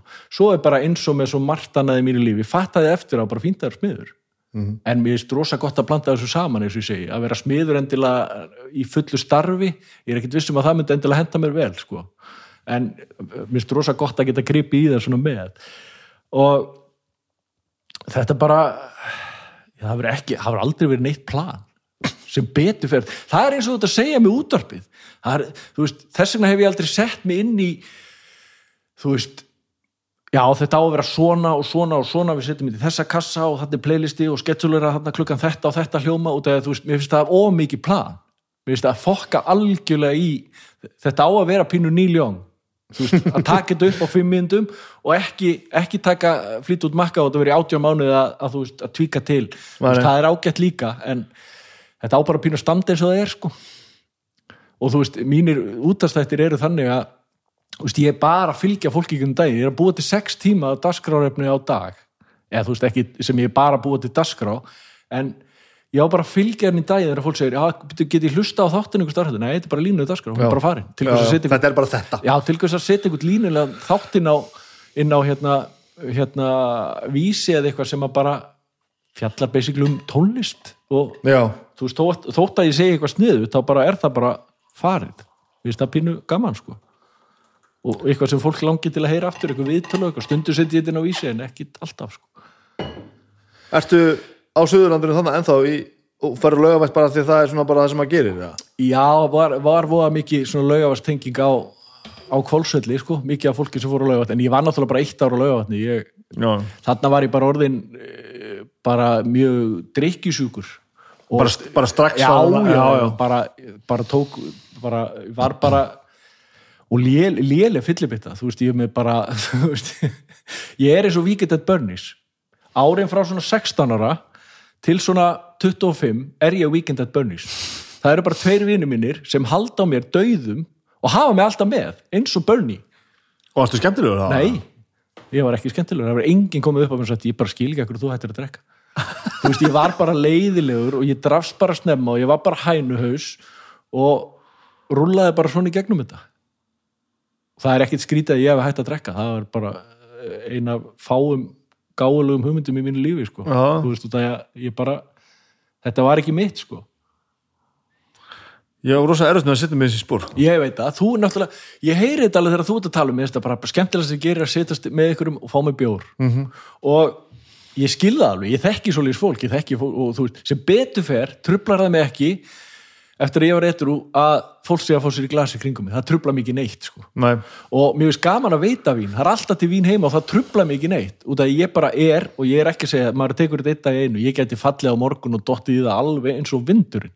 Og ég myndi ekki vita af hverju, það er bara allt í einu gerist þetta, en ég, ég er bara búin að loka þessum kapla fyrir mig. Út af að ég, þú veist, þegar maður var inn á vogi og annað, það var að segja fólk var að rifja upp eitthvað skemmtileg fyllir ég gat bara ekki rifja upp neitt skemmtilegt fyllir til hvers í anskotanum var ég þá aðeins já, já. Og það ég var alltaf bara, já, passa með að drekki ekki á mikið og drekki ekki á hratt og svo drekki á hratt og þá var þetta bara búið. En veistu, þú veist, þetta er úrlega ósakjandi spurning frá manni sem hefur ekki insýnin í þetta, veistu þá af hverju þú drakst alltaf aftur daginn eftir? Varst alltaf að reyna einhvern veginn að halda einhverju kontról á þessu? Var það einhver svona Það er mjög góð spurning. Nei, ég veit það ekki alveg. Ég hef ekkert, ekkert rýnd í það, en ég meina, ég gæti bara vaknað upp eftir fyllir í og ef það var bjór fyrir fram og byrjaði bara strax að drekka og það var engin, og það var engin einhver Engin pæling. það var ekkert að velta því fyrir og, sér. og eins bara eins og þjóðhætti einhvern veginn að fólk vaknaði eitthvað, og ég get bara ekki hugsað mér að fá mér bjór, bara er ekki, ekki lega heimaður fá sér bjór, svo var maður bara alveg keifaður heila helgi, sko. Mánudagar eftir Vestlunvan helgi er ykkur erfiðustu dagar sem ég lifa þegar ég var í neyslu og drikju, sko. Svo náttúrulega þegar maður flytur í bæinn og allar að vera agalug töffari þá hérna uppgöta maður að það var fleira í lífinu heldur brennuvín og uppgöta það náttúrulega þá gæti ég sko þá allt í hennu var komin fullkomin blanda þá gæti ég verið á spýtti og blind fullur. Þá var ég bara vakandi. Allt í góðu sko. Og varstu skemmtilegur þá? eða? já þá var ég skemmtilegur, þá var ég líka komin á pínu sjensi á stelpum og svona. Já, já, já, og ekkert fram með því sem sagt. Og það var mikið hleyið í partíu með mér allavega sko. Þá var maður bara vaðandi úr þú veist, í ykkur bulli sko að ástæðan fyrir ég spurði áðan sko, og tala um Weekend at Bernie sko, mm. hvort þú hefur verið skemmtilegur að því ég ára svo erfitt með vissulega hef ég átt vinn og kunninga sem að gjössamlega kollsteipast við að fá sér ómikið í glas en ég ára svo droslega erfitt með að sjá þig fyrir mér sko ég get alveg séð þig fyrir mér stjórnlösan það er ekkert mjög erfitt að sjá það fyrir sér Nei, nei. en á að setja sko yfir, gegnum gangandi leiðilegur ég á erfitt með að sjá það sko Ég, ég held ég hafi pínu þetta svissaðist nú pínu þegar ég flutti í bæinn sko. fólk sem ólst upp með mér og svona í gegnum úrlýsárin og mentaskóla árin þau er svo erfið er sko auðvart með að sjá mig fyrir sér leiðilegan sko. og, en samt einhvern veginn voru vini mínir alltaf þannig það góði vini mínir að þeir pössuð upp á mig já, þú veist, ég ætti bara að vera sjóringi lík hérna út á Granda, hefði alltaf sjálfur lappað og gert og græjað, en allt í nú bara vaknaði maður heima á sér, ég vil alltaf með síman á sér og veskið, svo bara, maður vissi ekki neitt. Ég meina, ég fór í blackout bara fyrst 14 ára. Já, já, já. og þú veist, þetta var agalegt. Ég þarf aðeins umúr þetta, ég er ekki að minna sko potið til vandraða sko. En ég er kannski meira við sko anstíkilegu sko. Nei, ég held ég hafi nú aldrei Nei, ég var það ekki. Nei, Ég hef aldrei verið svo ofbáslega vissum sjálfa mig og mitt ágæti að ég hafi haft efnaði að vera leiðilegu við einhvern annan. Ég meina, það er bara ekki þannig. Er það auðskiptinu að því að vera anstíkilegur að, að haldu að ég er efnaði? Ég held ekki. Eh, Er það ekki sant? Bara, ég er hér frábær, svo er þú þarna svona ömur Nei, ég veit það ekki en ég, nei, ég held ég haf aldrei verið anstíkilegur kannski, þú veist, eins og ég segi, ég man ekki helmingina þess Og komstu hingað bara svona að því að þú veist það var næsta skef að, Já, það var bara, mað- maður fekk vinnu í bænum og spennandi að búa í Reykjavík og þú veist, ég var búin að vera einn, eða þú veist eh, búin að sjá um mig síðan ég var 6 ári, ég flutta heiman 16 ára, skilur Já, að já. það var ekkit svona breykþrú að, að leia íbúð og, og kaupi matinn og eitthvað svona en ég meina, ég fæ mér enn þann dag í dag, reglulega spagetti með smjöri og salti og það var stundu það sem að borðaði síðustu vikuna Já, já, í mánurum, en það var einhvern veginn ég væri svo blankur, það var bara einn öll í djam og eitthvað svona rugg, þú veist. En mér finnst pínu gaman að, veist, þá, þá þýringin fá fyrir ekki nöttur, það er bara að minna sig á það, sko, maður var svo mikið litlisingur, sko. En, en þetta, þú veist keirður þetta þá aldrei alveg í þrótt, þú veist? Jú, ég gerði það að lókum Já, og ég meina maður fattar það bara þegar maður er aðeins búin að fjallaðast þetta hinum með frá sko og aðeins búin að taka sig í gegn hvað þetta hafði miklu víðtækar áhrif. Það að hætta að drekka fyrir mig og ég get ekki tala fyrir neitt annan að setja tappan í flöskun eða hætta neyslunni það er bara okkur lítill toppur á ísjakanum. Svo er allt hitt, taugakerfið allar hugsaðundar, allar ránkumindar allur óheðaleikin og allt þetta sem bara smátt og smátt útrýmist úr lífinu. Ef maður er að, að taka sig í gegn sko. ég geti tekið eitur hérna gönguna mína miklu fastari tökum. Rétti svo ég geti verið miklu dullur að mæta til sálfræðins og taka sjálf mig í gegn. En það eru bara ekkert mörg ár sinni bara vaknaði ekki upp með samvinskupið yfir að vera eins og ég er. Út af öllu svona. Þegar maður var bara bara, þú veist, mér- ég upplýði sjálf mig bara sem vondan aðila og slæman ég var bara að bregðast fólkin í kringum mig, ég var að bregðast konu sem ég elska og sem betufer náði ég nú að taka með áðurinn í eignast börn sko. og það að ég hef ekki viljað fara með allt þetta inn í það sko. en að ég halda að ég sé búin að klára þetta að ég sé útskrifaður úr einhverjum affræðum og ég mér aldrei dettið aftur, mér dettur ekki hug og það að sem betufer mann ég ennþá og mann mjög stert hvað mér fannst þetta ömurlegt sko. hvað þetta var erfitt fyrir mig fyrst og fremst sko. ferð þá að upplifa sjálfa sem slæma mannesku bara, þú veist, beyond repair að þú veist það sé ekki, ef ég ekki afturkvæmt Nei, alls ekki, bara, þú veist af hverju er ég svona og allar þetta er bara, þetta er bara hraða hindranir í lífinu sko. það er alveg nógu erfitt að vera bara eins og maður er. Örvísin að vera alltaf að, að þú veist, fella sjálfa sig. Þú veist, þú ert alltaf með lausa reymar, þú ert alltaf að stíga á sömu reymina, sko, þú veist. Ég þarf, ég, þetta er alveg nógu erfitt bara þú veist, nætt og fæn núna sko, þannig að æjá, það er gott að vera lausu þetta, hvað það, 25 ára? Þegar ég hætti að drekka Já. nei, ég, þegar ég hætti að drekka þá er ég, hvað, 29 ára, rétt fyrir 30 Já, ok, ára. ok. þá fyrir ég inn á vók tæmdi nammi sjálfsalan, ég heiti 15 áskalli og 7 dögum í nammi sjálfsalanum kona mér fór á þjóðatíð og Og eru búin lengi saman hana? já, já, við vorum búin að vera mjög lengi saman ég man ekki hvað lengi, jú, jú, við vorum búin að vera saman í 5-6 ár Já, ok. og hérna og hérna hún lofaði að svara alltaf í síma þegar ég myndi ringja í tíkallasímanum og vogi, hún gerði það þess elska alla helgina, þá er ég að ringja í hana ég var, ég, var, ég var ekki með neina áhyggjur að hún var að gera eitthvað af sér eða neitt svoleiðis. Mér var bara gott að heyri í henni. Það var mjög gott og, og hérna eftir þessa meðferð hef, hef ég nú bara haldið mig á beinubrutinu varandi þetta sko. Já. en ég, þú veist, meðan við vorum saman hún vissi ekki, ekki helmingin að þessu sem ég var að gera, það kom bara ekki til ljós fyrir henni ég var bara alveg búin á því, bara búin að vera út úr spýtaður eiginlega meiri part vikunar en bara, þú veist, þá er ég bara að gera bíl og gera eitthvað og bara, þú veist. Bara, bara alla daga, Já, bara, bara á hátdegi. já, Já, ég skil. ég meina ég var fleiri, fleiri ár sko út úr spýtaður í útvarpinu. Bara inn á klósta að fá mér í nefið þetta er bara það er bara umulegt að segja þetta þetta var nú bara staðrindin sko. En það fattaði þetta enginn, það kveikti enginn á þessu. Áhugavert. Já, þetta er pínu. En kannski er þetta svona eitthvað eins og ég hef aldrei verið grindur með ADHD sem að, ja, aðtiklisbrestur finnst mér ógeðslegt orð, finnst það bara ljótt orð. Finnst val hvað aðtikli miklu það er miklu nærði, þú veist, ég geti verið með aðtiklinu á þessu kaffibólla, svo bara hætti ég á aðtikli á hann og fyrir aðtikli á þessu mikrofón en ég, kannski hefur þetta verið eitthvað þannig sko, að allt í hennu bara fekk ég þetta og þá var þetta bara svo rítalín bara búm, hausi fór í gang, ég var bara plana og gera og allt Þannig að í þú varst gangi ekki, ekki super hyper. Nei, en ég hef alltaf verið meira hæpir inn í mér en sérstu utan á mér, sko. Mm. Ég held að það hef alltaf, já, það er svo á ekki, alltaf svo rólegur. En svo er ég bara alveg, bara karníval inn í hausnum á mér, þú veist, sem að bara snýst endalist áfram og getur verið mjög þreytandi stundum, sko. Er, er, þú þess að lýsa því að það verið að mæti vinnuna í alla daga, þú veist, alltaf bara að gera ráð fyrir að þú þurftir að eiga, eiga slæði í vassanum og... Já, það var svo gaman, það var eins og þetta, eins og Frank Sinatra plötuna og svona, það var, þú veist, að græja sig, að vera klár og stilla sig af og eiga þarna og eitthvað, þetta er náttúrulega bara... Og alltaf einn með sjálfur í þessu. Já, já. Það var ekkert samfélags. Ég er ekki félagslindur maður. Nei, nei. Það eru margir sem halda það út af, út af vinnunni sem ég er í. Ég elska vinnu mín og ég elska að hitta fólk og matabóð og allt svona, en ég er ekkit, er ekkit, hei! Þú Stundum þegar maður kemur ykkur og fólk er, herri þú í útarpinni, ótt að hlusta þig og svo bara bla bla bla og maður er alveg, og ég á bara erfitt með að halda uppi smóltokki, það er bara eitthvað sem ég þurft að takast á við í lífinu ef ég hitt ykkur í kringlunni Já, já. það er bara, já, herðu, hvað segir hvað er að frétta þér? Bara fínt svo ekkert meir, kona mér se, segðu hvað er að frétta þér líka Æ, þú hefur samt rétt fyrir þarna, sko, ég skil þetta ekki, sko. nei, en maður verður er- samt að vera maður, bara, þú veist, Það er enginn að byggja um að að fá að vita neitt. Þetta er bara einhvern veginn verið að fylla upp í þögnina, sko. Hvað er að frétta þér? Æ, það er nú bara frekar skýt, sko. Já. Ef maður fara að segja þetta, það er enginn að byggja um þetta, sko. Þannig að ég er alveg með þessi smóltóki. Þetta er bara ljómandi gott, sko. Og svo reynir ég bara að fara. æ, þetta er þetta er undarlegt líf maður. Þetta er agalegt sko.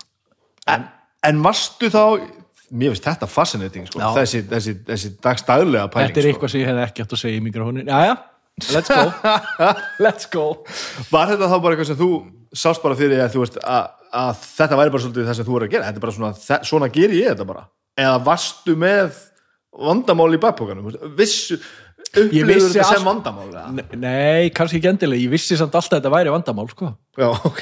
Ég meina, þú veist, deep down inside sko, ég segi nú bara svo Páll Óskar þá vissi ég auðvitað að þetta væri ekki lægi og myndi aldrei ég myndi aldrei halda áfram á þessu þessu leveli já, sko. þú, þú fundið já, já, já, já. En þá bara allt í hennu var ég bara um fíkil já, og þá bara, þú veist, kikkar þetta inn.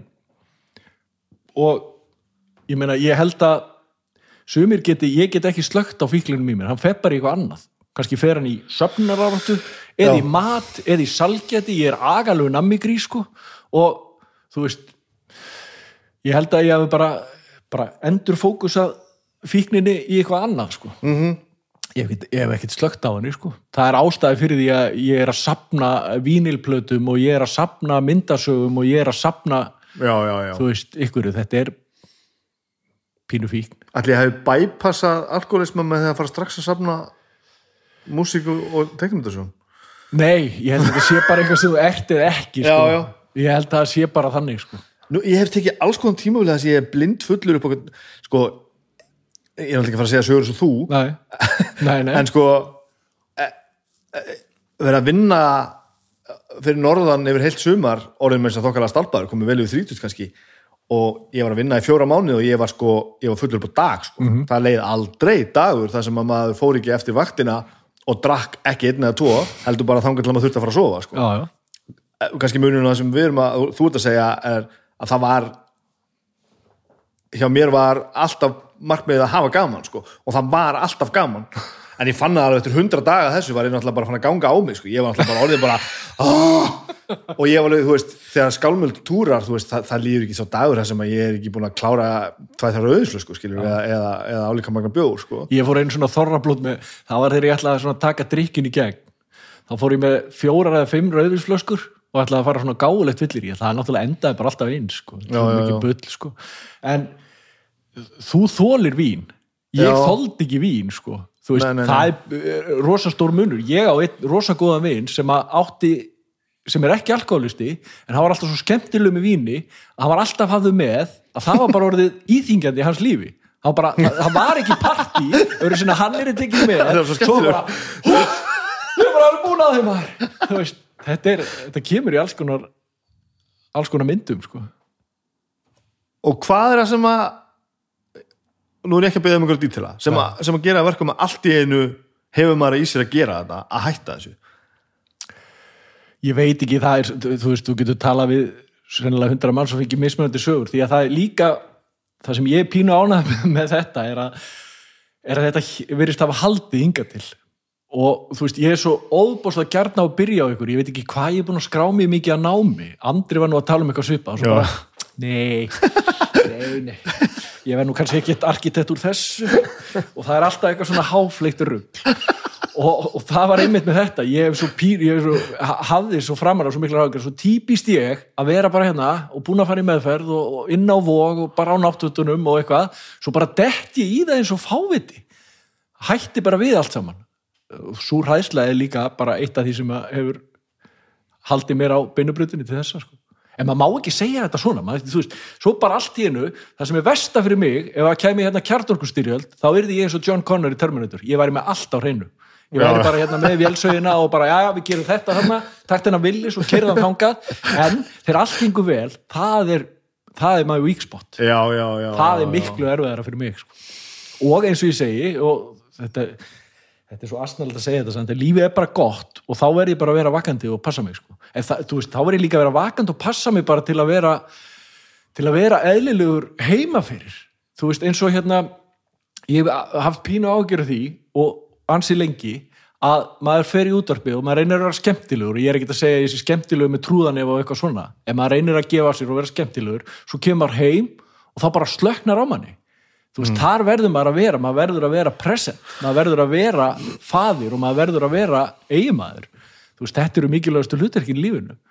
Og það er, það er eina sem ég óskaði þess að fá í lífinu og það er ekki út að ég er svo góður maður eða einstaklingur, ég vil bara börnunum mínu líði vel, dóttir mín er að byrja í skóla og þetta er bara, það er agonæsing að fylgja henni eftir og það, það er ekkert sem ég vil frekar en að henni líði vel. Og börnunum mínu bara líði vel í skólanum, gangi vel félagslega og allt svona. Og þetta eru hlutir sem ég hef ekkert alveg kontról yfir, sko. Nei. það er skelvileg tilhugsun Ég er bara að fara að skila dóttur minni í fyrsta bekk núna Já. á miðvikudaginn sko. Já. það er ég bara að fara að gera nákvæmlega það sama og ég er að upplifa nákvæmlega sömu tilfinningu og það er bara eitthvað krakka gerpi sem ykkur annar á og hefur með að segja sem getur bara tekið skólagöngu batsistýris og um turnaðinni Já. það er agaleg tilhugsun og við þessi hérna, töffara sem setjum hérna við höfum ekki nema svona 7% um þetta að segja sko. Nei, og maður má ekki lappin á skólanu og segja, nú bara hættir þú þannig fokkin drepi gerpi. Fóttuðun ætla að drepa þig. Já, nei, það er bara, það er ekki samfélagslega samþýtt, því miður. Og þú veist, finnst, eitt sem er mér finnst ótrúlega áhugavert eins og líka og það tala um að þú veist að, að konaðin hefur þá verið með þér á, á, á dimmasta tímanum. Þú veist, hefur þetta hætta. Já, uh, hvort er það gott eða slæmt? það er rosa gott. Ég Það er rosa gott Ég vona að það sé gott fyrir hana. Já. Ég er búin að segja við kona mína ansi lengi að þegar hún verður 50 þá ætlum ég að vona að hún geti hort tilbaka og sagt það var góð ákvörðun. Já, já, já. Að hanga í þessu sambandi, að hanga í þessu hjónabandi. En svo er þetta líka þannig að ég var með svo mikið samvinskupið yfir hvernig ég hefði hagað með gagvart henni og svo mörgum að þú veist ég verð líka að fyrirgefa sjálfum mér sko. ég verð líka bara átt að með á því að eins og ég sagði, veist, þetta var actual moment í mínu lífi þegar ég fatt að djöfullin ég er eins og mamma. Þú veist, mér langaði svo mikið að vera bara perfect, mér langaði svo mikið að vera bara John F. Kennedy eða þú veist, eitthvað svona posterboy að bara, herðu, hann kemur hann ok, er við æska, svo bara meikar hann hann er bara Ólafur Jón, Ólafur Jón er frendi minn sko, rítufundur og, og þú veist, mér langaði bara þú veist, að, að taka þessa, þetta feritel og verða þetta, en svo maður bara biskur maður. En þú, þú- ekki vera fáiði enginn svona eisnaflugs er bara eitthvað sem ég tók opbáslega mikið tímin og reyni eins og ég get að lifa lífin eftir að vera bara ekki fáiði að vera ekki, maður getur hugsað ímislegt, maður getur haft skoðun á ýmsu ég þarf ekkit að fara með á samfélagsmiðla ég þarf ekkit að segja bla. ég bara þarf þess ekki ég fæ ekkit aukalega að borga fyrir, fyrir þetta og þú veist, þegar Bubbi kom með lagið enga skoðun, dásalögu, sástu tónaflóð núna um helgina, Nei. Bubbi Mortens maður. Ó, hann er dásamlegur. Já, hann kom með lagið enga skoðun, svo var hann á samfélagsmiðlum hálfan dag með enga skoðun, svo náttúrulega eftir hátíð kom skoðun. Ég er samt pínu með enga skoðun. Já, já. og það er ansi margt sem hefur sem hefur hérna og sérstaklega í útvarpinu. Veist, það er ekki mitt hlutur, Harmageddon eru með skoðun á öllu. Ég þarf ekki að vera með skoðun, ég þarf ekki að vera með þú veist, eitthvað umtalsefnum Taliban eða eitthvað svona, ég þarf bara að spila músík Já, það er bara, eins og núna ég er með nýju killesblötun á heilanum og það er bara það að ég, þú veist, alveg fíla killes en það er ekkit svona, wow, killes æðislegt, svo kemur plata út þar sem að Brandon Flowers er að semja um heimabæðin sinn. Þessi plata er bara eins og Nebraska með Bruce Springsteen og ég tengi svo mikið við sögurnar af heimabænum og Já, þetta já, og þú veist, þetta er bara það sem ég er að presentera dag, bara ég elska þessa plötu og af hverju elska þinn og það ég kemur smábæð, bla bla bla. Þú veist, Já, þetta er bara það sem ég fyrir með inn í þáttin og þessar sögur sem ég var að segja með hérna mægispörðunar, Já. þannig er bara komið Einmitt. þú veist, svo bara fyrir þetta einhvern veginn. Það er ekkit flóknar en það. Þarna ertu að kveika svolítið á einhverju sem ég hef ekki hugsað mikið um sko. hversu mikilvægt þetta er að, að sumi leifi sér bara að vera manneskan sem að er ekki alltaf að hafa einhver endalins áhrif á allt á skoðinu nei, nei, nei, ég hef engin áhrif. Það er líka, þú veist, ég get, ég get gefið sko, ég get gefið ráðum allt nema fjármál. Ég er agalegur í því. Mhm. uh, og ég hef fengið ótrúlega mikið að tölvupóstum og skilabóðum í gegnum æfina, sérstaklega til dæmis þegar ég var að fara í gegnum etrugönguna, þetta fór allt fram í gegnum útvarpið. Já, veist, já. þetta fór allt í gegn, þetta kemur bara hérna úr þindin og upp. Bara eins og ég er að tala við þig. Mikið svo viðtali sem ég veist, ef ég var að fara að klippa þetta ára, nei, nei, nei. En það, ég veit að þetta fyrir allt eins og, eins og maður er að segja þetta. Já. að það er svo mikið af fólki sem er sagt, herðu, þú veist, ég er í vandræðum með þetta og, og maður er að reyna að gefa ráð. Og það er ómettalegt að hafa svona áhrif á fólk. En ég vaksi eitthvað upp og segi herru, ég ætti nú bara að vera predikari. Bara fólk er að taka markaðu sem ég er að segja. akkurat, akkurat, gleymdu hugmyndinni sko. gleymdu hugmyndinni. Og þú út að, út að kveikja auðvitað mjög mörg líka þetta sko að, að, að vera ekki að skamma sig fyrir að hafa ekki skoðun á einhverju svona lífsbursmálsmálum sko, eins og að tala um með sko með, veist, það sem er ekki í Afganistan og eitthvað svoleiðis, mann finnst náttúrulega ekki gott að fólk sé, sé að kveljast sko, og ósangin er ekki góð. En að það sé fólk að úti sem bara svona ég ætla bara ekki verið í þessu. Ég ætla að gera þetta hér svo að öðrum geti liðið vel hérna. Sko, mín pæling varandi eins og bara dagskrá gerð í útarpi mína dagskrá gerð er bara svo að því fleiri sem tengja við það því betra. Og þá er ég að meina bara svona dagstaglega fólk er að hlusta með peltorinn er að smíða eitthvað staðar. Og ég segi bara vesti sásöki sem þú getur lent í í lífinu er að stíga hann á fokking leikakup og þeir sem hafa hann á leikakup fara bara að hlæja, svo er þetta bara já, já. þú veist, þetta er bara eitthvað svona. En þetta er þú að upphefja þitt hlutverk sko. Þannig ertu bara búin að gera rosa gott fyrir rosalega marga bara með því að tala um eitt fucking legokub sko. þó þú sitt ekki að tala um talibana sko. ég fekk gillinæð um daginn. Og það var heill þáttur sem fór í það. Já, og ég, og ég held að ég væri að fá sko krabba minn, ristilkrabba minn mm -hmm. út af að ég, þú veist, ef ég er að sjúkdómsgrina sjálfa mig, þá er það alltaf bara þú veist, ég er aldrei búin að fara í COVID-skímun eða neitt svo leiðis en, og ég er ekkit sjúkdómarættur en alltaf þegar ég kenni mig meins þá er það ekki sko kvef Nei, það eru berklar. Ebola. Ebola, já, það bara er döðvona og ég var bara fann að kveðja vinu og ættingi loftinu, svo var einhver herðu, þetta er nú örgulega gillin og kona mín náttúrulega verandi successful lögfræðingur og svona, þú sagðir hvað? Hún getur ekki hlustað á mjúdvarpinu sko, hún er alltaf nei. svo vandræðaleg. Já. en þetta, þú veist, ef ég hefði verið að vinna á vinnustað, eitthvað staðar, að smíða og eitthvað, þá hefði ég aldrei getað komið þetta í lofti, þetta bull. En þetta var bara það sem var að gerast en ég líka og ég verð að það þú veist, það, er, það eru forréttindi fyrir mig að hafa verið dagskjöggermar á exinu því að bæði fekk ég tækifæri til að sko verða þessi bullari sem ég er á marganhátt sko og þess að væri ykkur breathing down my neck. Ég er ekkert vissum að ég komist upp með þetta for better or for worse, ég er ekkert að segja að ég sé bara alfa og omega í dagskjögger á Íslandi alls ekki, en ég er allavega eins og ég er. Og Frosti og Máni þú veist, þeir, þeir áttu exi þegar ég kom þangað. Og þeim fannst ég vera algjört mega nörd Já. sem ég var ekki samkvæmt mínum mælikvarða en ég var að hlusta á gamla músík og músík sem pappiðin fílar og eitthvað svona. Og svo allt í hennu liða árin og þeir bara fóru að heyra svona held ég út undan sér að þess að ég geti tala fyrir þá að ég var svona, já það er nú fólk er nú gaman að þessu vitlisingarna, allt í lagi, já, já. Og þá fóru ég bara að taka mig svona í sátt. Svo eruðu við bara vinir, við erum bara að vinna saman svo lengi. Og ég var eins og fáiti við þá og þeir voru eftir eins og fáitar við mig. Ég hef rifist meira við Mána Pétursson heldur en kona minna sko. En það er alltaf svona riflind út í þólingi confrontation. Það kemur alltaf eitthvað frá honum og ég alveg, já það er alltaf eitthvað svo riflið þetta er nú heldur riflindin sko. Ég, ég þólingi svona confrontation. Og þetta er svo agalegt. En sko og mér þykir svo vænt um þá báða í dag og ég vona að þið þykir vænt um mig ég vil að fólki líki svona heldur vel við mig heldur en ekki sko. ef ég myndi lenda í sko, fangels í Sómalíu þá myndi Máni koma og leysa mig út. Já, já, já. er einn af fáum og Frosti hann náttúrulega bara geggja að sjá hvernig hann hefur rísið upp. Og bara, þetta, menn bara gengi í gegnum lífi, það er ekki svo þeir hafi farið líkna sjóð þennan tíma sem við höfum þekst en Máni til dæmis bara eins og hérna þegar mamma deyr og ég er að arransera jarðaförinni, hann sagði bara hverja viltu fá til að spila? Þú veist, Já, ég þurfti ekki að spá því Slutin sem skipta Já, máli. Já, já þarna, Hvernig dó hún? hún deyr 2016 Og hvernig var það eftir allt saman? Á hvaða stað voruð þið þá? mjög góðum. Ég, þú veist ég, ég var ofta reyður út í mömmu. Mamma var frábær amma til dæmis sem er mjög algengt. Og hún var frábær móðir. Hún reyndist mér rosalega vel þó að vera erfitt hjá henni sko. og líka segja, já hún var bara sjúklingur með fyrsta pínu. Ég á pínu erfitt með sjúktónsgreininguna eða sjúktónshuttak í alkoholismi finnst mér bara mjög erfitt fyrir mig og hana. Og fólk má vera ósamála mér, það er bara alveg í fínu lagi. En þú drekkur ekki krabba minn nei, þú getur díla við þetta ef þú bara vilt það sko. Þú getur fengið lækninguna. Hvað heldur þessi mikið af fólki í heiminu sem vill fá lækningu við einhverjum kvillur sem maður getur ekki fengið lækningu við? Mér finnst pínu, vera pínu um munur á milli, já hún var svo mikill sjúklingur. Nei, nei, hún átti bara erfitt með þetta. Hún náði ekki tökum á því, miður. En það var ekki það sem dróði hana til döða það var bara krabba Já, og það var þú veist, ég get alveg sagt það hér, það var breakthrough í samskiptum mín og mána þegar ég kem inn í stúdíu og þeir eru að klára Harmageddon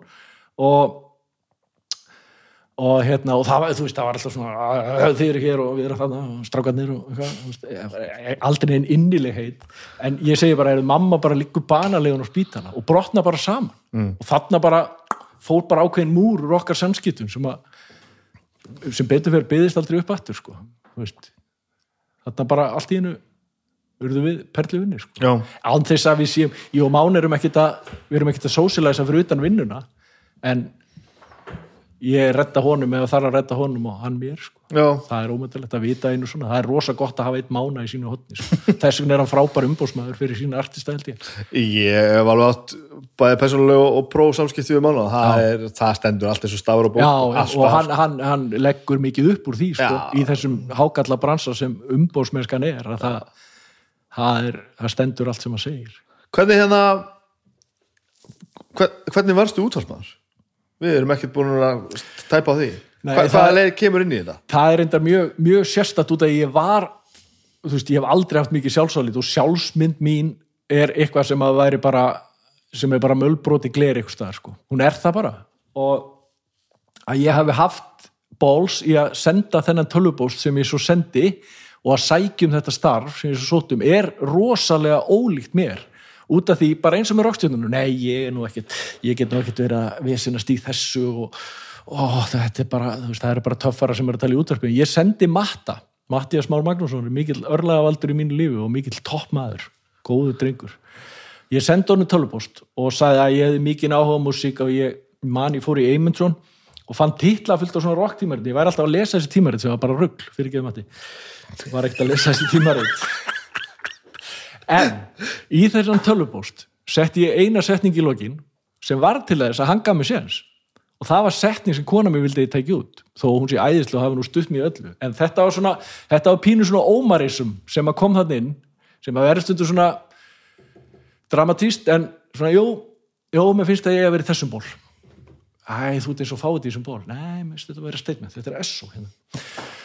og ég skrifa í lokinu á þessum posti, myndu bara að ykkur gaf því sens í byrjun og ykkur, ykkur hluta vegna kveikti matt á þessu. Skrifaður þessa setningu í póstu? Já, myndu bara að ykkur gaði séns í byrjun eða eitthvað svona, já, ég held ég hef bara orðað þetta nákvæmlega svona. Og hann gaf mér séns. Og ég man eftir í að ég var kallaður í pröfu. Það var XFM, held ég alveg. Jú, það var XFM, eftir X-un var lokað þetta í eitt skiptið. Og Matti var daskarastöru þar og hann spurði mig hérna, já, ég meina, hlustar á stöðinu ég hlusta alltaf á stöðinu og bara smíða og með headphone og það var alveg rétt. Og, ég sagði, og hann sagði, "Hvað finnst, hvernig finnst stöðinu mér finnst þú frábæri, ég þó líka íþróttáttin Valdi Björn, svo miklu toppmaður með íþróttáttu ég hef bara ekkert gaman að íþróttum. Hann sagði, vinsalega þáttur á stöðinu maður. Ég ó, ok. Og hérna, ég var settur inn í pröfu til Dotta litla og Dotti litla er nú svona bara matter of fact gaur, talaði inn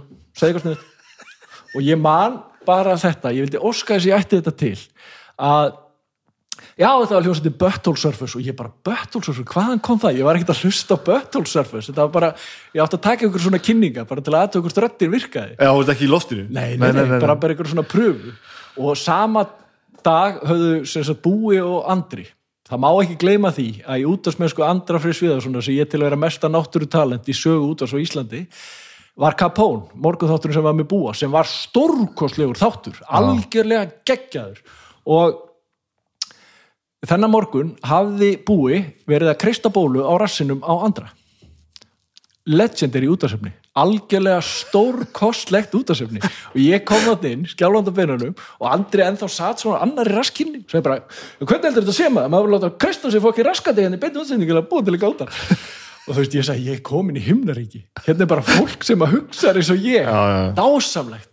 Og ég var látið, ég var látið og smári tarfur sem þá var að vinna á þessari stöð hann var látið sitið með fyrstu vættina og ég fór inn og lokaði með maður vildi ekki hafa neitt nála sér náttúrulega svo bara kom ég út eftir tvær kynningar og ykkur lög og hann, þetta var fínt jáður en prófa bara að kveikja mikrofónu næst Sem þú gerir ekki? nei, nei, það var bara silent og það var bara þetta, þetta já, er þetta X-inu XFM og já, það er útarp og eitthvað og hérna svona bara skaklapaðis maður í þetta og byrjaði og þetta var alveg geggja og ég man líka eftir því að Birgir Háberg Jónsson einna æskufélögum minu sem því miður er látin hann lest 26 ári mótilvæðslýsi hann ringir mig og sagði, já, háskalag. Má fór voru með pandara, geggjalag og ég man eftir því að hafa breytt þessu lagi og sett þetta inn. Það mátt ekkert, þetta er bara að spila playstan Já, og ég beði eftir í heila viku, ef ekki tvær að þeirra hringt og segi, herru þú spilaði þetta fokkið lagmaður og þetta verið að fokkið þessu bara, er þið reikin? en ekkert gert? Nei, nei, það var enginn að hlusta á Nei, nei, nei, það var ekki Matti var bara ekki að funnur einhver staðar. Að spá í þessu þessi helgar lúði og er að gera þetta svo, ég held að Matti hafa nú orðið til þess að ég var líka ráðin yfir á exit. Þegar að það transist, eða, sem sagt, hann fer úr loftinu og það er bara yfir á rást 2 og ég held að hann hafi samfært Frosta og Mána og, og hérna og Gústa Heðins þá er hann yfirmann um, um að ráða mig yfir sko. Þeir voru ekkit samfærin þeir, þú veist, ég var XFM megin og það voru bara tvö lið. Við vorum bara að spila eitthvað lúða seppilinn og eitthvað tónlist sem pappiðin fílar. Ykkur hluta vegna þegar Smári var að skrifa ykkur að lýsingu inn á heimasíðuna það sagði ég hérna, hvað heitirðu? Ómar Bónam og að hann íbúin að lesa ykkur bók um Seppelin. Og hérna þá var ég bara alltaf í kallaður Ómar Bónam og þeim fannst þetta náttúrulega alveg ömulegt og glata bara hallaris lúði og bara, já, já, allt í lagi. Mér fannst það ekki sjálfum. Og þeir kalluðu mig alltaf Ómar Bin Laden lengi vel manni alltaf svona, alltaf svona pína að setja mig setja maður niður sko. Sem var leik, maður aðeins gott að því sko. Ég held að voru þetta sem var ekki meiri fáið en maður var sko. Er samt pínur svona bulli stemning? eða Þannig, Já, svona, það var, þú veist Frosti og Máni eru náttúrulega tveir bestu vinnir sem skýra börni sínu höfuð okkur öðrum Já, og hafa farið saman í gegnum þetta hugsaði bara um að væri að gera þetta ég menna þú ert að reyka hljóðkirkjuna eða græja hljóðkirkjuna með baldri bróðin það er samt annað þeir hafa bara verið saman í blíðu og stríðu. Já, sko. já, já. og það hefur oft verið í frekar stríðu sko. þannig að þeir bara eru bara sitt gengi og það er ekkit hverjum sem er hleyft inn og ég var svolítið lengi bara að reyna að banka alltaf erum maður ekki, kom inn það er ekkit rétt að leiðin hann inn sko. það var ekki fyrir en held ég að við hættum að vinna saman þegar ég fer yfir einhvern svona brava sjónvarsæfindir og sem að vil að þeir kannski föttu æ, það var nú helviti gott að hafa hann já. mér bara pínu og þú veist þá, þá, og svo dætt maður bara aftur inn í þetta Hver er aðdraðandur að þessu e-maili? Þú veist, ekki bara vaknaði daginn bara og ákvæðast á þér langar til að vera útastmaður og senda post. Nei, þetta starf hafði nú lengi hylla mig og verandi standandi út í februar í slittu með rigninguna sko beint á þig. Þú ert þá orðin lærður smiður og búin að vinna með það einhvern Nei, nei, ég var ekki, ég var ekki orðið læriður Þú ert ekki lærður smiður? Jú, ég kláraði það 2017 Kláraði það bara núna? Já. Þetta er enn eitt sem ég fatt alltaf eftir á að mér fannst geðveitt að hafa. Ég fattaði það ekki fyrir 20 árum eftir ég var smiður. Já. Það myndist bara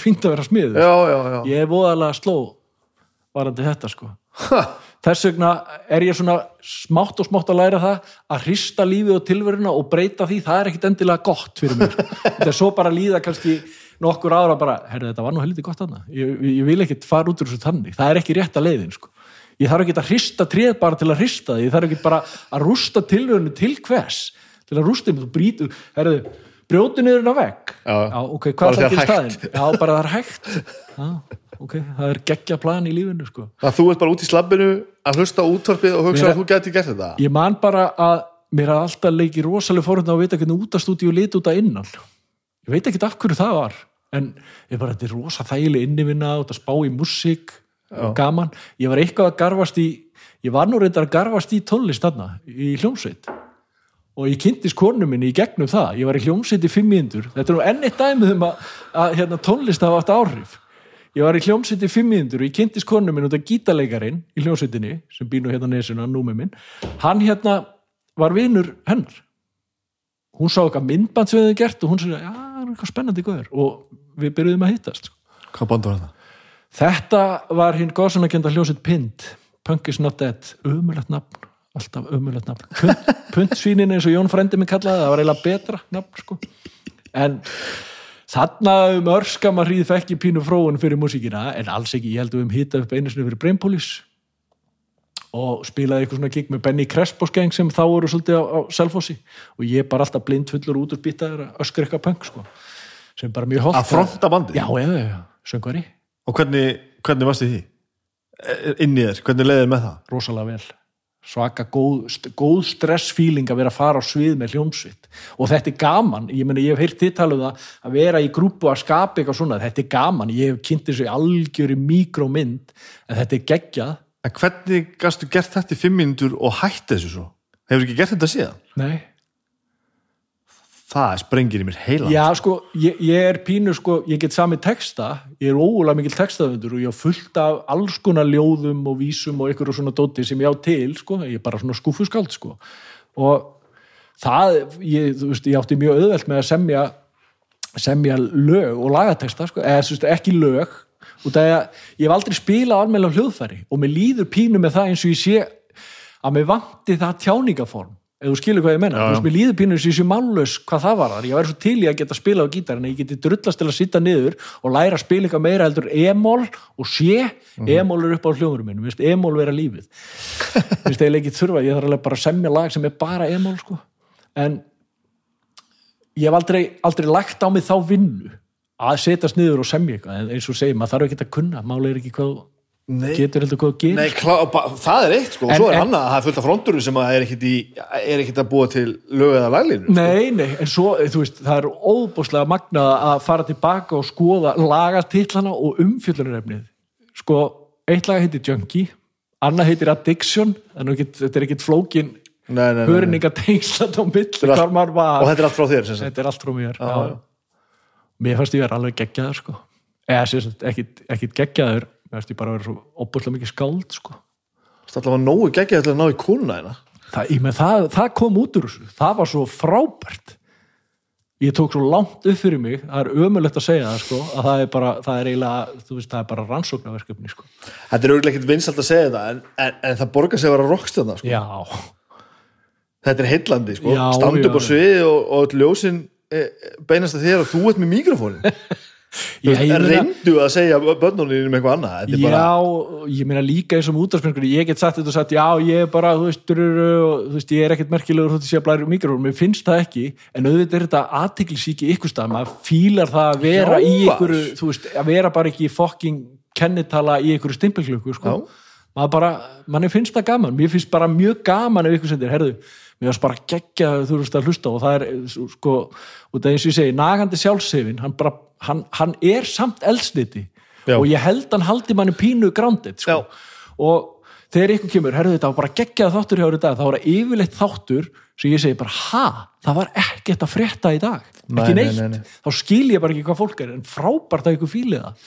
Svo þegar ég fer á eitthvað flug og er bara alveg eins og manníkt nöyt í loftinu og er bara að spila Megadeth og bara og svo bara fá hérna reynin blott út eða það er föstudagur þú veist, ég er ennþá með þetta. Þú veist, ég fæ ennþá föstudagsfýringin ég þarf bara ekki að ég þarf bara ekki að neit, neyslan þarf ekki að kynna undir báli sko, sem er auðvitað geggja að vera svo rugglaður ennþá. Og einmitt þetta, þú veist, ég er ekki 41 árs með stresstöskuna og bara bindið og bara, já, við erum hér og klukkan er raskat og þú veist, það ger, ger eitthvað gálegt já, ég má bara vera með tattu á hendinni og ég er svo ból og ég er bara í vinnunni. Einmitt. það er bara forréttindi. Ég er afskaplega þakkláttu fyrir það. Það er, það er ótrúlegt og líka verandi ekki með lífið í kringum í algjöru brunarúst sko. En eins og ég segi, það er bara Jón frendi minn, Frosti og Máni eh, Bára Jónsdóttir kona mín þetta er bara fólk sem hefur bara reynst mér ótrúlega vel á ótrúlega mikilvægum punktum í mínu lífi.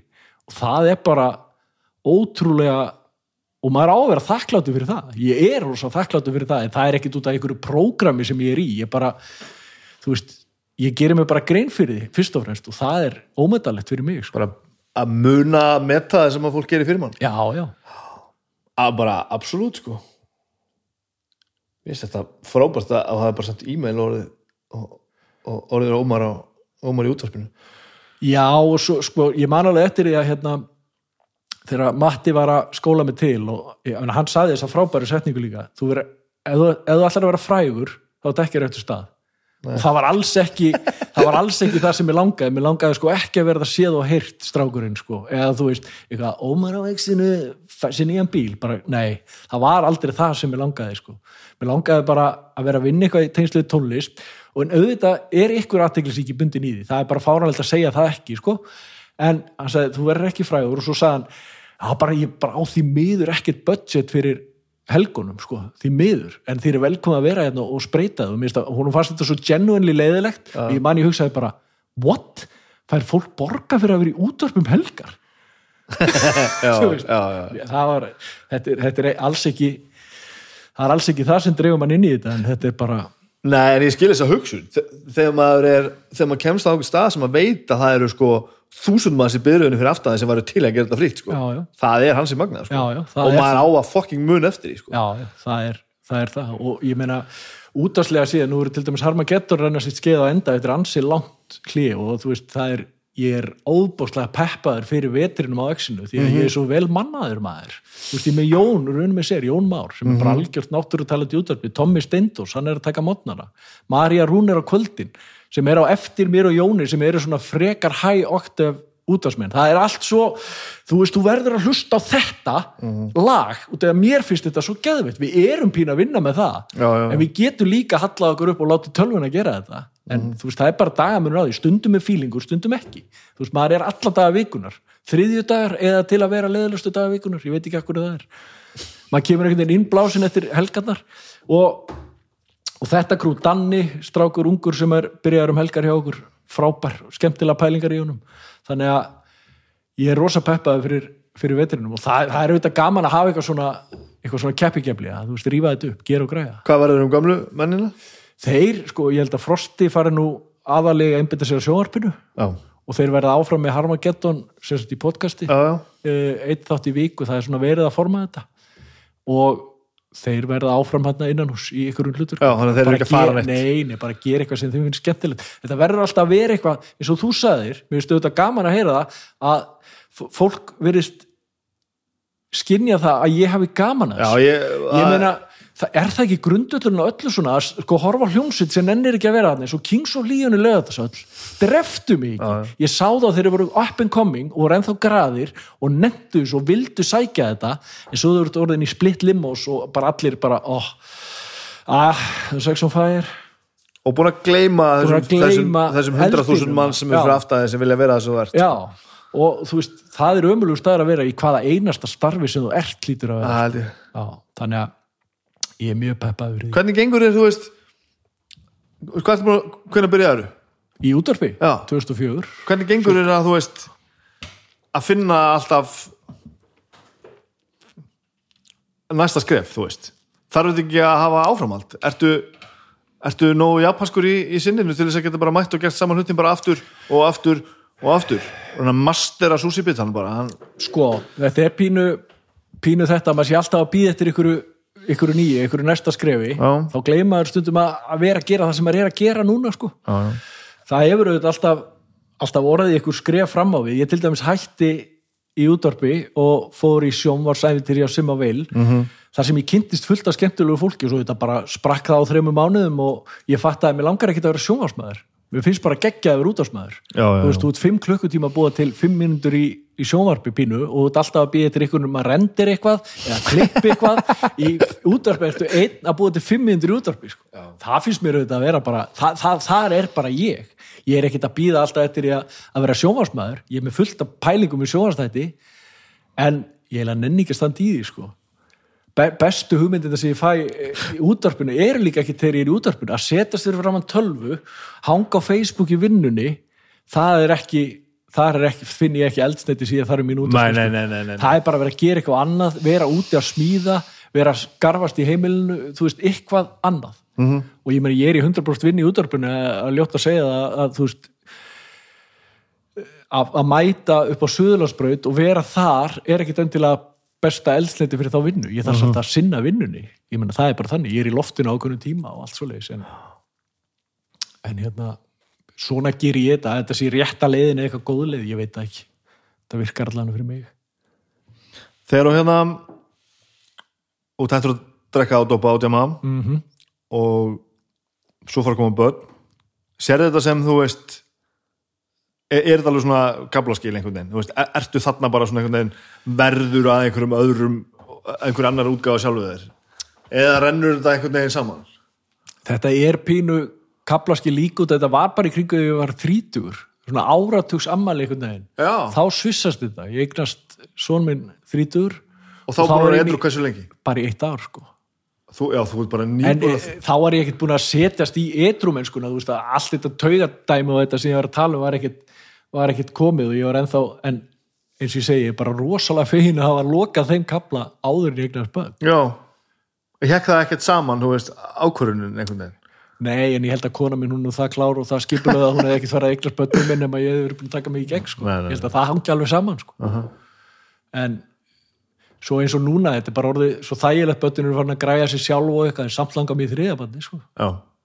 en þú veist, þá er ég líka bara búin að gleyma þú veist, að, þú veist fyrstu árin ertu bara með eitthvað sem að það er stanslös aðtegli og, og bara allt þetta sem að gleymur um leið sko. En, þú veist hvernig var, hvernig var þá bara að fara inn bara í einhvern glæni í hann fasa bara hætta að vera spýtaði við mækinn og fara bara að eiga fólk og bara þú veist, voru komið heimili áður en þetta byrjaði já, já, við byrjuðum að búa saman 5-6 árum árum að þetta var. Já, já, en það þurfti bara að byggja það upp. Ég þurfti bara að byggja upp tröst á mér og veist, það er ekkert sjálfgefið að fólk fylgji manni, það er auðvitað mjög algengt að fólk skilji sem hefur farið í gegnum svona.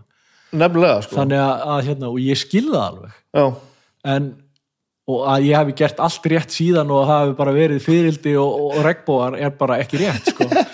en eins og ég segi, ég er bara afskaplega heppi með kona mína og það sem ég er nýbúin að fatta er að, þú veist, ég á alveg líka þú veist, mitt sko hún er alveg heppin að vera með ykkurum eins og mér. Já, já. að það er líka, það er pínu ævintýr á hverjum degi, þú veist aldrei hvað það lendir, nei, ég er ekki að segja það. En veist, fólk á það til að vera stolti ferkanta og ég er kannski ekki alveg þar. Hún, sko ég er framkvæmdasviðið hún er fjármálasviðið í Já, hjónabandinu ok. það er pínu þannig og þegar þetta vinnur saman þá getur alveg alveg móka skurði og gert og græða sko. Varstu- búið okkur til frábært líf sko. varstu á á einhverju tíma upp að einhverju, einhverju tímapunkti vissu það að þú er bara rosalega heppin og hún myndi nenn að hanga með þér? Já, já, vámaður veist, þetta er bara mér finnst ég alltaf að vera voða heppin. En, en það er eitt sko. En að ég er að valla skili, það er annað. Já, já, en ég meina, mér er alltaf liðið þannig, alltaf. Eða þú veist, lengst af, það er ekki bara fyrir síðustu ár síðan, svona loksins fann að segja að þú veist, það er einhver ástæða fyrir því hlýtur að vera gamli haugur hana, sem byrjar að grána í skegginu að, að fólk sem að þú, eins og þetta fólk sem ég er búin að vera að tala um, sem ræðast í kringu þig og tógar þig áfram og eitthvað, það er nú einhver ástæða fyrir þetta fólk er þarna og er að gera það sem þið er að gera sko, Já. fyrir þig, það hlýtur að vera eitthvað það er Já. einhver stað að ljósinu manni sko, ég að vera þetta, þetta gengur ekki nema mjög takmarkaðan tíma nema að segja eitthvað sko. Nei, og, og þú veist en á móti kemur er að bara já, það er, ekki, það er bara ekki langt síðan að ég fattaði það. Eða svona fór að líða þannig. Það og var það eitthvað, þú veist, einhver, einhver tímapunktur einhver breakthrough eitthvað svoleiðis eða bara svona kemur þetta bara smátt og ég smátt? held að komi bara smátt og smátt sko. þetta er eins og ég var að tala um þú getur fengið í gegnum sálfræði þjónustu og annað, þú getur fengið svona útskýringu á einhverjum en svo bara ef að tími líður þá fattar þetta sjálfur, en ég er ekki að mæla með því sko, við höfum bara takmarkaðan tíma þetta á jörðinni sko, ef að fólk fer til sálfræðings og veist, þetta er bara orðin eins og að fara í rektina ég meina ef maður gerir eitthvað eins og þú lappar hérna í kringu golvöllinu eða eitthvað, ykkur reyfing þetta er geðlif, Já. tónlist er geðlif fyrir mig, Já. reyfing er geðlif fyrir mig, ég gerir bara ekkert mikið að því. Út af að ég veit alveg þetta er að fara til sálfræðings er bara bara, bara mannréttinda það er bara lífspursmál fyrir bara eiginlega alla held ég samt geri ég það ekki ég skil ekki alveg af hverju sko veit við séum bara rétt að vera komið ángað núna sko, held ég Já, að, við bara svona heldur ég alveg orðið bara svona svolítið eins og farið til tannlækning sko. Já. mér líður svolítið eins og ég, á bara klippara minn, ég feg bara klippingu og kormungu skildi hjá stjúra Mhm. uh, og ég er bara með, með tannlækni minn ég feg bara til hennar alltaf mjög reglulega Já. og svo fer ég bara og hitti sálfræðingin þetta er svona pínu bara þetta er bara til að halda hlutunum í, í, í horfinu sko. annars verði ég bara eins og dúskur og rakaður, mm -hmm. andfull og ógæstlegur og alveg fókt upp í hausnum sko. Þetta er þannig og það er ekkert mörg ár síðan að var bara hægt að segja þetta maður fór bara með, bara eins og mannsmáruð fyrsta lagi hvernig mann liði, Já, já, og já. maður væri eitthvað svona brotin og skemmtur inn í sér og maður þyrfti að leita sér aðstór, glimti hugmyndinni Já. þetta var bara ekkert inn í myndinni hversu vitlega sem það var sko. bæði það og svo var það líka sko þú varst alltaf að laga svo hræðileg vandamál þú fórst ekki til sálfræðins nema að koma gjörsamlega út grátin út sko. já, já, þú veist, þetta var alltaf, þetta var einhverja hörmungar sem þú þurftir að, að horfast í augu við og tala held ég helst við svona 30 manns sem að vandamálunum komu sko. eitthvað svona óyfirstíðalegt svona eitthvað veggur sem að enginn komast yfir sko. ég bara, ég fór bara inn og talaði við Magnús og bara í, í, í, í þessar, tímyndur og sagði bara þetta er svona svona, þetta er svona, já, límitt hefur verið svona og hann bara, já, hefur verið velt þessu fyrir þér og bara aaa þú veist það er rosa gaman þegar ykkur nærmann í svona þetta er ekki það sama og, og það sem að var að liggja á sófanum á bakkinu með tissjúið og grenja sko, Nei, nei. sem er líka gott durgla sko. En, en fyrir mér, það er bara ekki þetta sko. En ég held að með svona tíð og tíma og eins og með þessu bara opnar umræðu þá held ég að þú veist allt í einu bara eh, tilfinninga nötturinn sem ég er sko og ber yfirleitt allt utan á mér sko það, ég get eiginlega ekki feika hvernig mér líður hvort sem það er vel eða illa sko nei, nei. Að það bara einhvern veginn vellur allt út sko. Það er bara þú veist þannig bara er ég sko.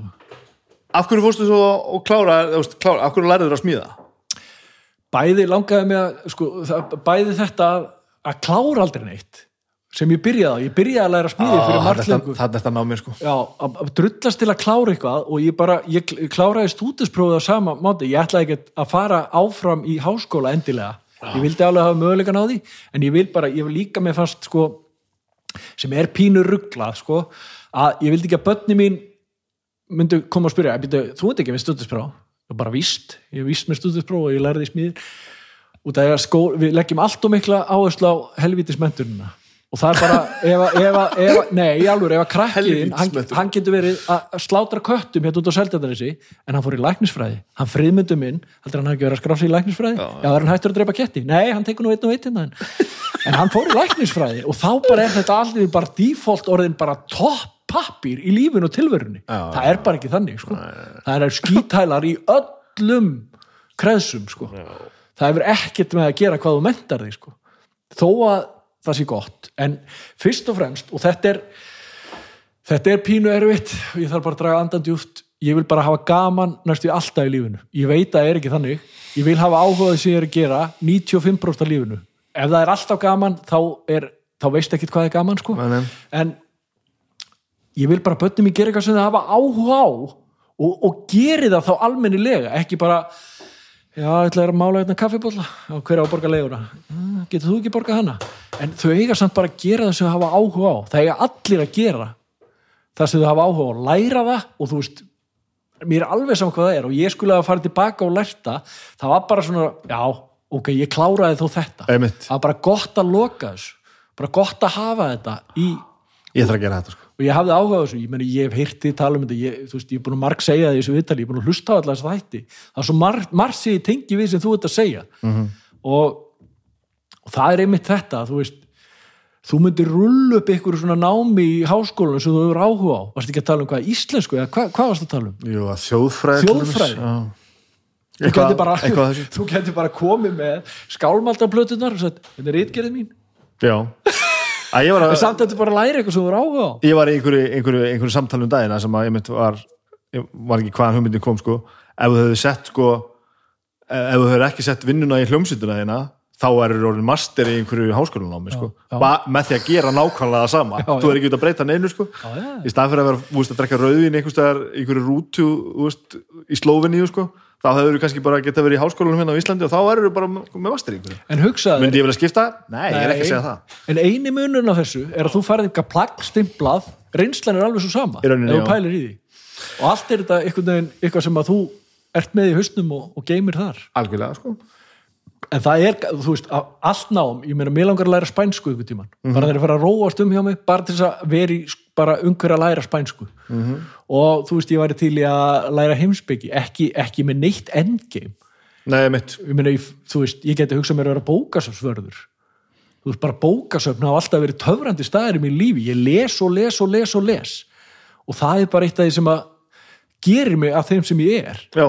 Og ég er ekki að segja, þú veist, svo er þetta eins með margt, það eru margir sem sjá smíðastarfi í hillingum, þeir eru að smíða sólball heima þessu, djúðlar ég nú til í bara að vera smiður maður, svo bara, þú veist, þeir eru stattur úti í, í, í, sko frosti í februar og, og þú veist, það slittan hún bara, þú veist, út orðu mattur öðrum meginn í framann og það er að mæla eitthvað já, einhver staðar já. er, er ekkit endilega alveg máli, þetta er bara eins og með mig og vélar. Ég, þú veist, mér finnst alveg geggja að gera við eitthvað drasl og einhverja vélar en að vera bifvéla virki, það er ekkit endilega sama sko. Nei. Svona er þetta bara. Það er eitt sem ég hefði viljað sko fá, að þú tala um að þú vilji bara börni gera eitthvað með, af ástriðu sko. Eitt sem ég hefði viljað fá sem að kannski samfélagi bara bauði ekki að mikið upp á en ég ætla svona að reyna að temja mínu börnum sko. Það er ekki nóg með það úst, sem ég fekk klála, ég hafa reykjað eftir mig að fara að gera eitthvað sem þið gaman sko. Um, manni var ekki nóg mikið kent þú getur snúið því upp í feril og atvinnu sem þið langar að gera sko bara hvað langar að gera? Mér langar að vera rockstjarna Mhm. þú veist, mér langaði aldrei að vera rockstjarna en mér langaði að vera í hljómsett og túra heiminn sko. ef ég hefði farið skipulegar inn í það þá hefði ég mögulega bara geta búið til feril úr því af því að ég var ekki bara að reyna að vera töff sko. þú veist, með músíkina og alltaf þess að list og alltaf dót þú veist bara að blæður í mikrofónu þann daginn sko. þú veist, ég er bara að blæður í mikrofón hér sko. ef einhver hefði kent mér aðeins fyrir bara taktu það sem þú hefur áhuga á og sem þú, eftir, að, eftir að vera góð eða góður í og fyndu flutin á því þannig að þú getur í alveg bara fengið borgað fyrir það og búið eitthvað til sem að sk- skila sér inn til sko. ég var alltaf bara hljómsitt bara í einhverju svona þetta var bara alltaf einhver hobbyfílingu sem tók bara ykkur tíma sko. Já, þetta kemur svolítið inn að það sem ég var að segja, fóreldra mín er ólu með ekkit svona upp. Nei, þú veist, ég var ekkert alin upp. Þegar ég segja híminn hafa alin mig upp þá er það bara vegna þess að þar fekk ég leksíu sem ég held áfram inn í lífið. Að ég vissi það bara einhvern veginn að vera ljótast í það minnumáttar ég stríti öruglega einhvern tíma minnumáttar en ég fekk ekkert svona veganist út í lífið hvað meinar ekki alin upp? Meina, varst ekki látin fara að sofa og fegst ekki mat í hátæðinu Jú, og, það var allt svoleiðis það skorti, efnislega skorti mig ekkert Nei. en kvartningu og tilsögn Já, já, það var já. ekki til ekki til En það, veist- það var ég að búa til bara sjálfur hrein föt og nesti í skólan Allt bara ekkert já, já. tipp-topp og aldrei eins og ég segi skorti minn eitt þannig sko. Ég fekk, sko, ég gætt valið mér bara bestu fötin og allt svona. Ég held að sumt að ég hafi verið svona gilt Já. kaup sko og, og leikfeng og svona, ég átti alltaf allt svona. Allt tipp-topp en bara leiðsögnin og það eins og þú segir að maður þurfa að setja sér inn í það. Strákurum minn er tölvu hann er bara Playstation og, tölum um það Já. Mitt, nákvæmlega. Hann, er, hann hefur áhuga á því og samt er það svo rík tilneying, hann verður að vera í fótbolta hann hefur engan áhuga Nei. ekki frekar en pappans gamli. Ég spilaði eitt fótbolta líka í Sjötabæk ég skoraði mark í stígvelum og ég hætti að tóknum nei, ég hef bara, ég hef bara engan áhuga en það þarf hann, hann að vita ef hann brennur fyrir þetta tölvuleikja drast sitt sko. Já, ég hef með pleysu 5 vilina mína hérna sko. Ef einhver hefur sagt mér að fyrir 25 árum að ég geti unnið eitthvað í sambandi við þetta, ert að grínast. Nei. ef ég væri, þú veist heilin í mér en, en núna sem ég sögur. Ég, veist, það virka bara þannig hjá mér, ég er bara alltaf að búa til einhverja þú veist, og ég var að roleplaya í gær skil, ég var bara til að Dungeons and Dragons í gær og þetta, var- bara sögur á fullu. Ef einhver hefur sagt mér ég geti fikk borga fyrir að skrifa fyrir tölvuleiki, já. hvar væri ég í dag? Ég væri þar, það er nefnilega máli þú veist en, en þá var mann kent bara já, mátt bara vera hérna tvo tími tölvunni. Og ég nú er ekki að dissa fóreldrar mína því þau voru, voru ljómandi ágætt með, með langt flest og svona hluti líka sko. en þetta var bara ekki umræðinni bara nei, ok, það sem þú hefur svona brennandi áhuga á þó að sé þú veist tíma æsla, einhvern veginn þú getur í alveg gert eitthvað við þetta sko. já og þarna bara er hugsunin og það er bara mismunandi hjá síni mínum er bara þarna kveiknar á öllu dæminu. Já. sköpunargleðinni, ánægjunni og bara öllu, þarna bara er og ég er ekki tissað þótt að nýrði eitthvað svona. Þegar að sagði um í daginn, ég var bara til að vera youtuber, fyrsta sem ég langaði að segja ertu klikka, en svo bara beiti ég tungun á mér og nagaði hann af og hugsaði bara, já, þú veist, ef þú vilt vera það bara, bara smá kvartning bara, ég er með síni mínum í liði. Og, ef hann, og ef hann verður bestur í því að vera youtuber já, þá fær hann mestu peningana sko. Þú veist, eða mesta follow eða hvað hann vill sko.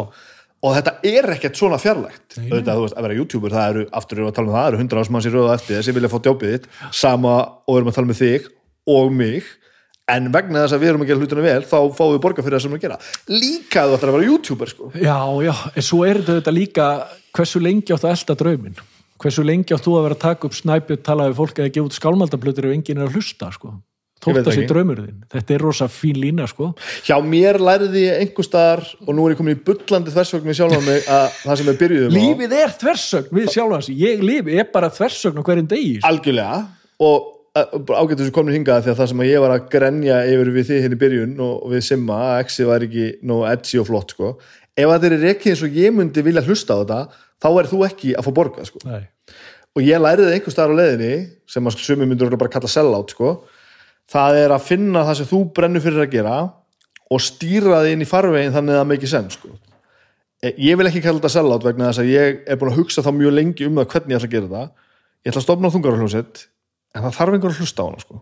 hvernig ætla ég að gera það og svo bara yfirlega við því bara, hvernig getum við, hvernig getum við búið til þungararhljóset sem að fólk vil hlusta á sko. og það tókst, ég, ég get miljón allugur einhverjum öðrum hugmyndir sem hafa ekki gengið upp sko. nei, nei, nei, nei. en að það að elda drauminn fyrir mér er líka finnst mér orðið þetta að aðlaga drauminn að því að þú getur gert það sem þú vilt gera sko. Þa, það er nefnilega, viðstu, þetta er alveg rétt að hérna, ég get haft exið svona pínu eins og mér langar til að hafa það, eins og bara með þetta killesla bara, veist, þetta er bara það sem ég er að presentera og svo er hitt bara aðgengilegra. En svo er það líka eins og ég tekið eftir í hljókirkjunni, þeir eru í bóði pítsunar. Þeir eru að gefa pítsu, Já. það er leikur í gangi. Og þegar að þetta fyrst, ég skinnja óþægindin í draugunum þegar þeir eru að tala um bara við erum að, með gjafaleik með pítsu. Já, já. óna þetta bara. Það þurfa að skilja þetta allir. Það. þarf bara einhver að borga reikningin at the end of the day, Mhm. þetta kostar allt. Og þó að hérna, Flósi sé að gefa pítsu en ef þið spurt að hanna þessu fyrir tveimur árum nei, þetta er aldrei ekki að pizza algjörlega sko þetta er bara Þetta kemur svo að þessu til dæmis sko, nú er þessi þáttur til dæmis í bóðið Simans Pay og Já. kannski, kannski eru fleiri sem eru að að sponsa þáttinn, ég er bara hreinlega manna ekki uh, Ég þurfti að finna flöti fyrir mig sko bara, hvernig ætla ég að gera þetta Mhm. þú veist og svo kvartar sundu fólk yfir því sko að ég að auðlýsingandi séu langar sko fyrir mér þá get ég gert þetta vegna þess að ég alveg investa í, í fólkinu sem er að auðlýsa hjá mér sko Mhm. og ég bara, ef ég ætla, ef, ég ætla, ef Simi Pay á að sponsa þáttinn þá þarf þetta að vera eitthvað sem ég er búin að kynna mér og ég skil sko. Mhm. því ef ég er að fara að segja bara að þetta er bara Simas Pay veist, það trúir þessu engin mér líður í lasi því að ég er fann að dangræta sjálfa mig sko. þannig að bara all ég ætla að finna flötinn þannig að ég geti talað um þetta og mér líður þá bara best með það að setja mig bara inn í það hvernig sjófa vinnur og tala bara um það og þá er ég alltaf komin á flug og bara djúvel er þetta gæðið, þú veist, að ég finna eitthvað flöt á því sko. Já, ég menn en líka það, þú veist, þú ert að brjóta allar reglur vanandi allt útvarp því að sko hlaðvarp er bara útvarp. Já, já, þú veist, ég, ég get ímynda mér að Baldur hafi stundur sagt því, ætlar bara að hafa þetta í þrjá tíma? -hmm. en það er bara, Snæbjörn talar í þrjá tíma við fólk. Það var neyðarfundur sko, og það fyrsti, fyrsti þátturinn sem var svona hryllilega langur var, var viðtalið við Flosa. Já, það, fór, það er fjóru tímar sko. Já, og ég meina, ég raðhlustaði á það í strei, bara í beit, smíðandi viðbygginguna heima á mér, það allan tíma já, já, en það var krísufundur eftir það viðtal, bara ef við að edita þetta og ég segi, mér langar til að styrta þetta. Ég held að sé ekkit í þessu sem að ætti að fara út. Þetta var einhver algjör galdur sko. Þá fórum við að tala um sko, ég veit að Snorri Björs sagði ekki þetta. Ég að það hefði Magnús Skeving sko sem talaði svo mikið. Hann skipti svona á tvær vikur Já, og ég bara og þá einhvern veginn bara eitthvað verulega erum við þá samt? Við erum ekki í línulegri dagskrá sko. Nei, það er alveg pláss á internetinu í þessa vikuna sko.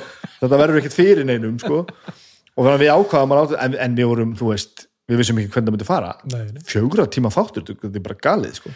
en þá fætti ég líka bara og hlutnir eru góðir, þá fljúa þær það er bara þannig já. Ég, ég er bara alveg saman þessu þess vegna finnst mér sko pöngið í útvarpi í dag eru þessi hlaðvörp sko. er, og þetta er allt þetta í end of the day útvarp og þú veist, hvort sem það er What the fuck með Mark Maron Joe Rogan Experience eða hvað það er eða draugar fortíðar þetta lesa mig hérna þetta er svona, Nei, eða snæpið tala við fólk þú veist, ef kontentið heldur. Já, það er þannig. En ég þyrft að gera þetta á öðrum tíma í minni dagskrá, ég get ekki haft nei. ég, þú veist, ég get ekki sett snæpið tala við fólk frá eitt til fjögur og það er bara eitt viðtal, þegar fólk hefur bara ekki tolerance, bæði er að fara inn og út úr bílum og annað, þetta er bara já, ég held að þetta verði að vera þannig að þú getir ítt á pásu sko.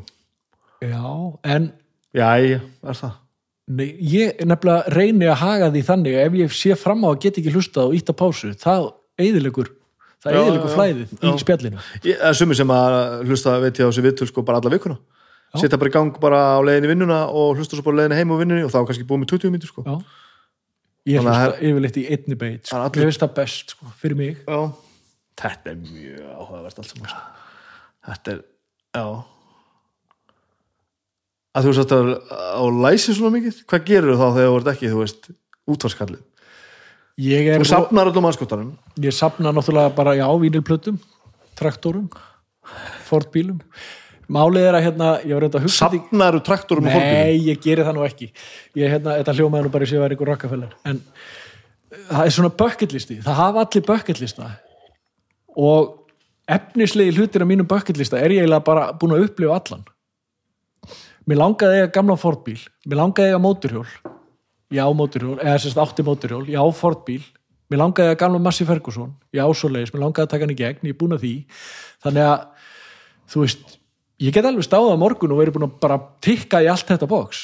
Hvað mér langar að gera sko í því sem að skiptir máli er auðvitað bara að lifa lífinu, að geta slakað aðeins á að vera ekki alltaf á útopnu. Ég er pínu mikið á útopnu.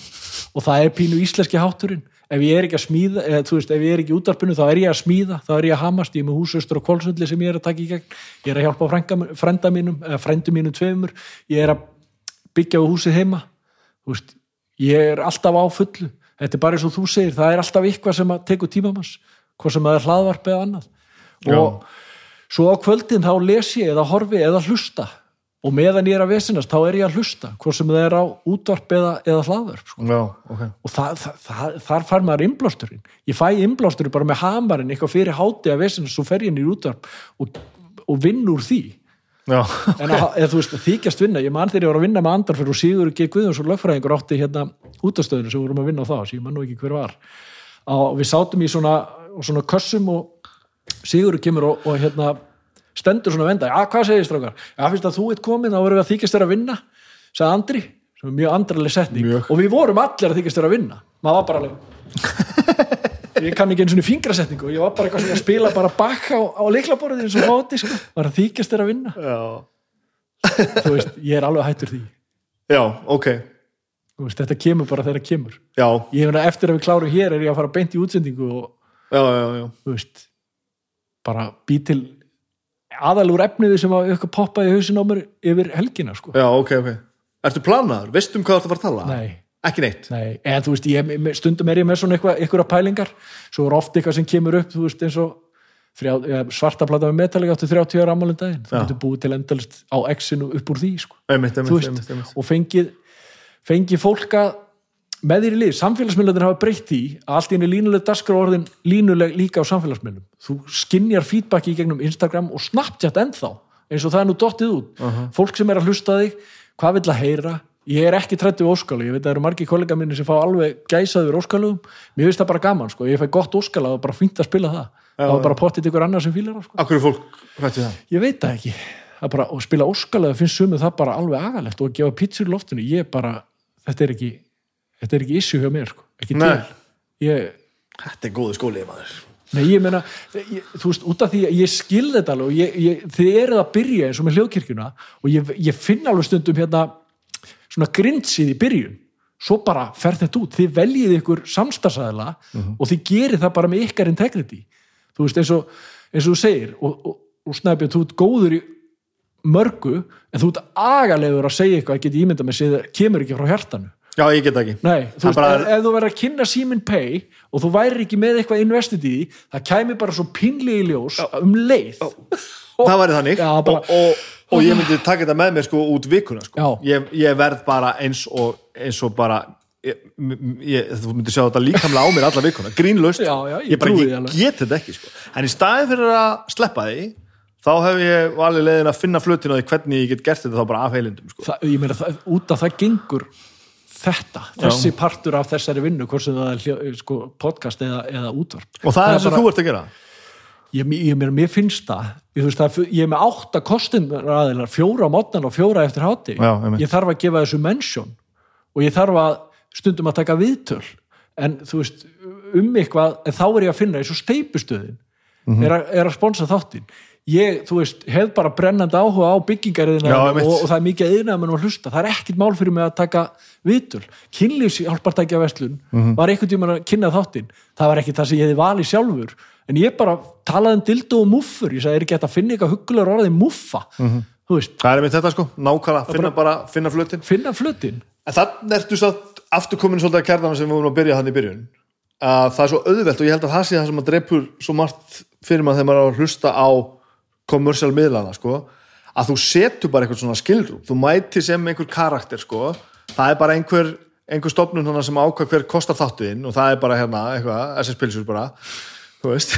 Og þú bara, já þátturinn er móðið SS Pilsur þú tekur bara þennan sko. Af því að þú ert þá bara í einhverju karakter og þú tekur enga ábyrðun inn og við erum næst allavega að heyra hérna bara móti sól, bara. Það sem er pínu betra með útvarpið að þessu leiti var þetta hlaðvarp er að þú þart ekki, það er engin kvöð á þér að tala um kostunaræðilega það er yfirleitt tengt aftan á trailer já, já, og eitthvað svoleiðis. þú veist, ég veit ekki hversu mörg podcast eins og hjá Joe Rogan sem ég spólaði yfir fyrstu fimm mínútur, það var bara stansless plug bara, ah, you have to buy the shots from dur, dur, dur, og maður bara hvenær kemur lagið, hann er lagið. Let's go. En þá er líka bara bóðið upp á það, þá getur þú gert það. sko þá geturðu gert Já, það. já, einmitt. og þannig að mér, finnst fara meira fyrir þessu í hlaðvarpinu en það gerir endala á öldum ljósvart það gerir það, það gerir það absolutt sko. Já. ég held að séu margir bæði á þeim stað sem ég er sko að bara þú veist, þú ert bara bæði náttúrulega geðast samstafsæðalunum en líka bara að gera þetta þínu sem þá fyrir að pínu meiri tími í það sko. Og svo er þetta líka bara það, þú bara fucking skipar sko. Það er alveg sem, sem, að, sem vörka það bara. Já. það er bara fimm, bara fimm myndur og þú bara skipar yfir það já, ég meina þú veist á, þú veist, ég skil til dæmis ekki þú veist, þetta er allt vinni mínu tvö. Fólk sem er að gera frábæra hluti og segja, veist, rúfa af auðlýsingamarkaði að þeir séu með kistu fullar að gull að gera það er bara plussar og mínus að við vinna á rástföður rétt eins og þau eru plussar og mínus að við vinna á exinu að þeir geti gert allt en að hérna að það skuli ekki vera auðlýsingafrýtt útvarp það, það, þú veist, það skilji ég ekki.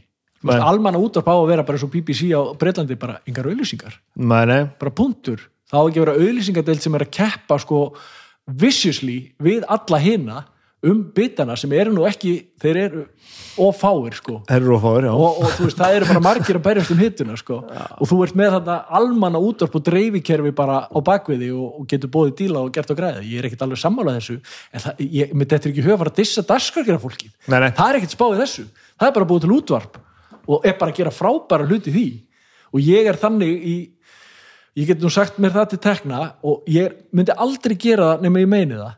Ef ég heyri ykkur staðar eitthvað gott og þá er ég ekki að meina að ég sé eitthvað authoritet með útvarp eða hljóðvarp eða á neitt. Ef ég heyri eitthvað gott, þá sendi ég línu. Já, ég sendi á þig, herðu, mér var þetta geggjað viðtal. ég, ég sendi á Dodda litla, helvít ertu góður? Já, mér finnst það bara að skipta máli að rósa því sem vel er gert og að vera að setja þetta í ykkur lið. Á ég er á móti þessu og þessu. Ég er ekki þar sko. Nei, nei, nei. Ég bara er ekki þar sko. hversu gott eða slæmt það er veist, en ég er samt x-megin í lífinu sko. það er x eða móti öllu. Það hefur ekkert breyst síðan að þú varst að hlusta fyrir 20 ára það er gott að heyra það. Og heldur þú verði það þá bara, veist, áfram? Þarf það að vera þessi gaur, þarf það að vera að mótróa gaurinn á exinu, eða þú veist, eða líða svo bara átta ár og ég heyriði bara á einhverjum þægilegum eftirmyndagsstætti á rástuðu að gera eitthvað, eitthvað. þetta er frábær spurning ég hérna Hvað ber framtíðin í skauti sér, Ómar Úlfur? Það ekki. Sko, ég, ég prófaði að taka kvöld aftur á bylginni, ég var að vinna á bylginni, ég var með hemmagunni, ég var með útsendingarstjórn hemmagunni, það voru ó, ótrúlegi tímar. Ég saknaði hemmagunn, sjátt á þetta hann, sko. Hann var dásalegu kall að vera með honum á sunnudöfum, hann var alltaf með allt upp á tíu og tala við hann bara mannlega og hemmigunn var ekkert engin fróða, sko. Því hann vissi, til dæmis, hann vissi hvað sonum minn hétt, hann vissi, já, var, var þetta ekki, hann var ekkert bara flöf, flöf, flöf, þú veist, geggjaður. Svo var ég á kvöldir á bylgjunni, en það einhvern veginn, það var of struktúrað fyrir mig. Það var allt of, allt of stíft. En then again bylgjan er stærsta útastunum á landinu. Eitthvað hljótaður að vera að gera rétt. þú veist, ef þú vilt vera þarna ég hins vegar, eins og ég var að segja bara frjálslega sem ég fengi á exinu og það er engin að segja við mig núna verandi dagskrastur exis hafði þetta svona, þú verður að gera þetta svona og breyta þessu. Þetta býr allt í hausnum á mér og fólkinu sem ég er að vinna með. Það er pín, það er í senn ókveikjandi en dásalegt frelsi. Og ég held ég gæti ekkit gefið það frelsi eftir. Nei, nei, eh, að ég geti virkað á einhver annar útastu, ég veit það bara ekki, jú, jú, sjálfsagt. En ég er rosalega ánæður sem ég er akkurat núna, sko, og ánæður en ég hef oft verið áður, sko. Og það er bara, þú veist, bæðir ég nýkomin og sumafrí og endur blásinn og, eða veist, og líka bara einhvern veginn á góðum stað vinnulega, sko. Þannig að það er heldur sparáttu hugur í mér, sko. Og, og, og líka ég get ekki komið hérna og sagt já, exið er svona út af því að það er svona. Ég veit ekkit hvernig exið er. Nei, nei, nei. Þe- þetta er fljótandi raun bara eins og hérna upp í dölum sko, að nú er bara nú er ímislegt að gerjast og ég held bara að það sé að gerjast í útaslífi heimsis og að Spotify sé óvinnurinn að hlaðvarp sé óvinnurinn það er alls ekki þannig sko. það er Nei. engin að hugsa þannig Það held ég að sé ekki þannig. a- a- taktu það góða, bara nákvæmlega eins úr öllu sem þú gerir, taktu það góða sem þið finnst vera gott og mörgjaði það inn í það sem þú ert að gera mm. og taktu þá elementin af hverju er hlaðvarp vinsalt, af hverju er það gott og settu það inn í það sem þú ert að gera Taktu bara innblástur frá því sem að þú fílar Ég held líka bara að línuleg daska á sé, við þurfum hana sko. Já sko, hún er allavega í bóði í þessu formati sem ég er í sko. Ég held alveg lengi, lengi vel að ég þyrfti enga línulega daska á. Ég komst bara að það er ekki rétt. Ég held að ég væri svo frábæra að ég veit best hvað ég vil sko. En, en eftir einhverja mánu af því þá þrengdist áhugin minn bara, bara svona 90%. Ég var bara fann að gera sömu hlutina og hlusta á sömu hlutina bara aftur og aftur sko. Já, já, og, það, það er ágætt að hrista sér svolítið reglulega með það og uppgötu eitthvað nýtt Það er fendast málið sko. og, og maður hefur gott að því en þú veist, svo við sörkul förum nú aftur í ring upp á spjallinu ég man alveg þegar þú sagðir þetta þarna þegar þú varst að tala við Simma ég varð ekkit svo reyður endilega fyrir hönd X-ins Nei. það er bara þessar stöðvar sem eru þarna hjá sín þær hafa bara allt og lengi tekið þann skít sem er hendið þær, það er ekkert mikið verið að drullu reksið, það þórið ég lengi sko við erum ennþá pínu þú veist, við förum með það bara í lofti og segjum bara, erðu, varst þú að fokki okkur? Við fokkum í þér. Tókstu mikið til lostið það? Nei, ég gerði það ekki. En, Djúvillin. nei, ég maður ekki, ég held ég að bara tekið skálmöld og spil. nei. en eins og bylgjan, þú veist, það er alltaf hraunið við þetta eins og efstaleiti sé bara þeir sem eru að gera gott Já, já. mót fyrir íslensk tólistafólk og fyrir íslenska veist, listamenn og allt. Það er engin að segja það að rástfis ekki að gera gott mót fyrir íslenska tónlist. En það er bylgjan líka að gera fyrir sinn gera. Það er Exi líka að gera fyrir sinn gera og FM 957 fyrir sinn gera. Og að þetta get ekki allt verið til í sama kosmosinu er bara rétt.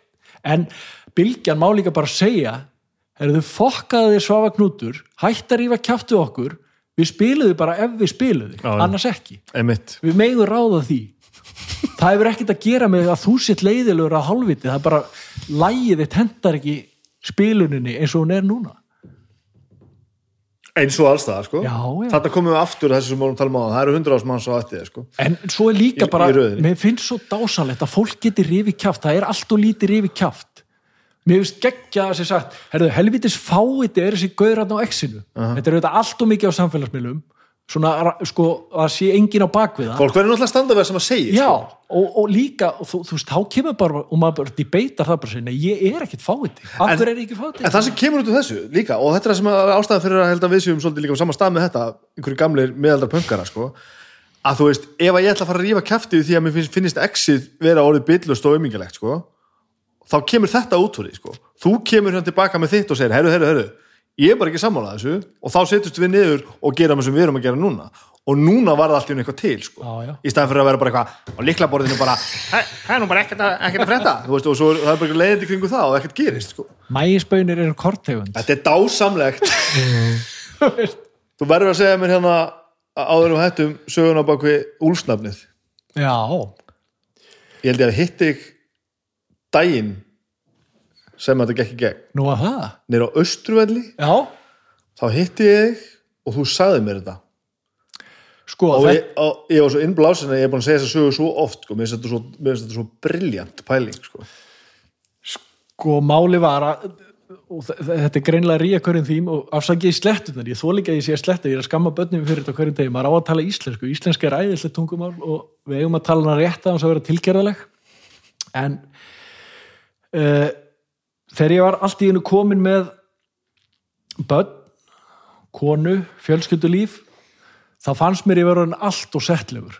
Allt of settlegur í lífinu og mér fannst bara vanta pungið í mig. Var þetta bara- Já, mér fannst bara einhvern veginn að ég væri bara að verða útkverfa pappi sem ég var vissulega að verða og ég er svo fegin að verða. Ég er búin að, ég, ég er svo ánaður að ég, mér, sko, ólíkt mörgu sem ég þekki, þá finnst mér dásalegt að eldast Já. mér líður bara pínu betur með hverju árun sem líður. Svo sjálf- sjálfsagt verð það að fara dánil en ég fara að gefa svo en ég hugsaði og rosalega margt sem ég hugsa hugsa ég ekki lengi, ég er opbóðslega kvatvís maður, ég hugsaði held ég ég var að lesa held ég sjóróningjan eða indjánin eftir Jóngnar og þessar bækur höfðu bara gríðal áhrif og hristu bara upp í þessu þessu pönkar elementi, djöfull hérna hvað á ég að gera? Ég þarf að gera eitthvað.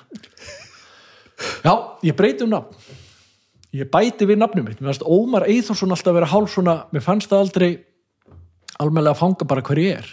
Ég fer upp á hagstofu, breyti þessu fyrir 5.000 skall kem heim, svaka lánaður. Þá er ekki allir á heimilinu jafn ánæður með að ég hef gert þetta innliða sko. kona mig ger, bara gerður hvað? Breyttur um nafn? Og fannst þú ekki þurfa að tala við mig um það? Nei, og ég, ég kom gjössalega fjöllum. Mér finnst þetta að vera nobody's business but my own sko. og breytt um nafn og ég var, þú veist, að hugsa hvaða nafn á að vera? Úlfur, já, ég er pínu svona úllegur, ég er pínu svona eh, einfari og þú veist, þeysaralægið Úlfur. Það var allt svona, einhvern veginn svo bara gerði þetta, þetta var, ég held ég hef eitt sko, sólarhingi að pæla þetta og gera þetta. Þetta er svo, veist þetta er svo briljant sko. Ég man líka að þið hitti þú, þú varst svo þú varst svo innblásin, já, þú, þú, varst, þú varst bara í loftkostum sko. Og það, það, það heillaði mig svo mikið ég bara, það er svo auðvelt að fá svona hugmynd og gera ekki, gera ekkert með það sko. Halla skilur það, bara drullast þess að gera það. Eitthvað, þú veist, sástu það að þér, varstu, fyrstu móral var það- nei, alls ekki. Það var ekki að- efast um þetta eitt augna blik sko. Ekki frekar en sko, öll húðflúrin sem ég er með Já, hef ég farið með inn á húðflústofu eitthvað allt aðra hugmynd og komið út með eitthvað allt annað. Sko, Mm. eitthvað allt annað, ekki bara eitthvað, eitthvað, eitthvað breyting á flúrinu, heldur bara nei, herðu, gerum þetta ég er með hímenn tattúeraðan á mig, bara þú mér datta ég fimm mínútum áður en að ég fór inn á flúrstofuna. Já, og börnum mín sögðu lengi vel er þetta mamma, þetta er ljósarður. Og mér varst það pínu leðilegt að bara tók sér, nei, þetta er hímenn og kvatvísin og, og, og svona hefur verið bæði pínu erfið stundum en oft, oftar en ekki hefur hún komið með svona skemmtilega pælingar og mér þykir mjög væntum að breyta um nafn sko. Mér þykir það að passa Ómar Úlfur finnst mér eiginlega sérstaklega viðandi í dag sko. En það er ótrúlegt að ótrúlegt að hafi gest eftir svona stuttan hugsunatíma ég, þú veist Bára bífluga, það var oft gert grína því að kona mín ætti að breyta hérna Bára bífluga, það er ekki eftir góð hugmynd sko. það er ekki eftir en já, En nú ertu að þú veist að þá díla við þetta jærsbyggju svo að þú veist svona kvatvís og fer og farir hímyntattu og breytir um nafn sko. Uh, og þetta er auðvitað mjög skemmtilegt og, verður fyrir, fyrir vikið ennþá skemmtilega að þetta er svo spontant en það er þá engin leið fyrir að vita í mómentinu hvort að hugmyndir er góð eða slæm. Nei. Og þess vegna á engin að taka þá á engin að taka mig sér til fyrirmynda engin því að eins og ég segi og ég er ekkert að íkja og ég er ekkert að segja þetta til að vera svona eitthvað eitthva líbó, maður er bara að tróða marfað í lífinu, Já. ég er ekki með neitt á hreinu, en það er ekki þar með sagt að ég sé með allt í einhverjum lamasessi. Maður er bara að reyna að vera ekki fáiði á hverjum einasta degi stundum texta, stundum texta ekki og það er ekkert ef maður geti nú skrifa, ef þú geti sett hérna saman töfrabandið besta bassaleikaran, trommuleikaran og allt setta saman í hljóðver með besta lag sem þú hefur samið, það gerist ekki neitt Nei. þú getur ekki búið þetta til Bruce Springsteen og Eddie Vedder voru að syngja Highway to Hell á nýju plötunars Tom Morello, hefur heyrt þetta? Nei. Það er ekkert að frétta. Þetta er svo léleg karaoke útgáfa að þessu frábæra lægi og ég held svo mikið með þessu. Mér langaði svo þetta er gott. Svo var þetta svo ömurlegt. Af hverju? frábært lag geggjaði listamenn geggja gítasólo, það er eiginlega eini bjarti parturinn í þessu, það er flott gítasólo og Tomorello út. En hann fer út af læginu, hann er ekkert að spá í hæfið og hella orginalum, en hitt er bara eins og lélegt karaoke í brúköpi og Eri Clapton sko, það sem margar, mörg svona samstörf hafa orðið til sko. Þetta er náttúrulega gömur sagði á nýja með, með þessi, þessi All-Star-bönd það verið að taka rosalega marga fræ svona fræga tónlistar gúru og eitthvað svona og steipa þeim saman í eitthvað. Það verður svona svo- svoleiðis bönd verið yfirlega leðileg sko. Já. annarkvöndur egoin og mörg og stór eða það, það er enginn að stjórna sko eða bara eitthvað virkar Já, ekki. það bara Þetta virkar þarf bara að ekki. Já, sko. þetta þarf bara að virka. Það er bara, og þannig þetta er mjög ógáðuleg kannski lífsfilosofía en hún er þannig á mér, þetta þarf bara að virka. Þetta þarf, þú veist, ég þarf að vera í lægi og þetta er að þannig þessi klísi að þú veist, ef ég er ekki ánaður ef ég er ekki hamingjusamur, þá ger ég sko engan annan hamingjusaman, setja grímuna fyrst á sig. Shit. Það, nei, ég meina, það er bara þannig sko. og ég, ég er pínu eins og þú með það. Ég get ekki, ég er ömulur í það að þykjast. Ef mér finnst leiðilegt í badnamæli hjá einhverju vinafólki mínu Já. þá bara skín það í gegn. Og ég er að reyna alveg sér hétt og ég er bara af hverju eru ber á öllum kökunum? Það bara ekki eftir að hafa maristertumur svona bara þú skaklapast maður í gegnum lífið og ef ykkur annar er með eitthvað annað dæmi og er með þetta miklu betur sett og er efstur á tekjublaðinu og er með allt sitt á hreinu og býr hérna í glæsilegu hús og seldendensu frábært til hafingjum með lífið þitt Einmitt. það er aldrei lífið mitt sko, og verður aldrei sko. þú ert búin að tala núna eins og sétt búin að gera allt sem þú vilt gera búin að ná svolítið utanum hérna allt sem þú þurftir að ná utanum sko, er, er að íkja svolítið mikið núna sko. Og mér líður svolítið núna eins og sétt bara fertugur og allir bara að láta fljóta núna þá þú verður bara svona 85 að þetta er bara svona, þú bara, bara komið svo góðan stað og ánæður og, og nú heldur þessu bara teinunum og reynir að vera ekki fáið því já, átt ekki að, ekki eftir að gera eitthvað þú ég á eftir að gera ímislegt ég á eftir að gera ansi margt, ég er að býða eftir að vera uppgötaðar snæbjörn, ok, ég er að býða eftir því að ykkur kom og segi herðu, nú gerum við sérþáttin mig langar að taka stóra sviði í borgarleikusinu og vera með síteðstáttin Ómar live þar. Ekki vegna þess að mér langi hérna í aðtíklin á mér mér langar bara svo að hafa gert þetta. Já. mér langar svo að vera í hvítum smoking og labba niður svona tröppur eins og Elvis Presley helst með stelpur í fjáðurbúningum og ég, þetta er ekkit kynja mér setti sem eru bara eitthvað að syngja og svo er band sem er að spila.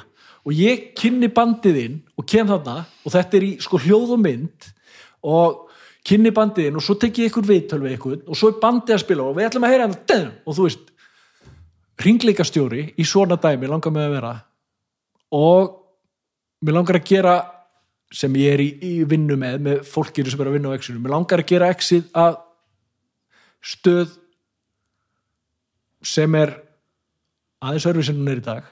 Ég veit ekki alveg hvernig örfi en pínu.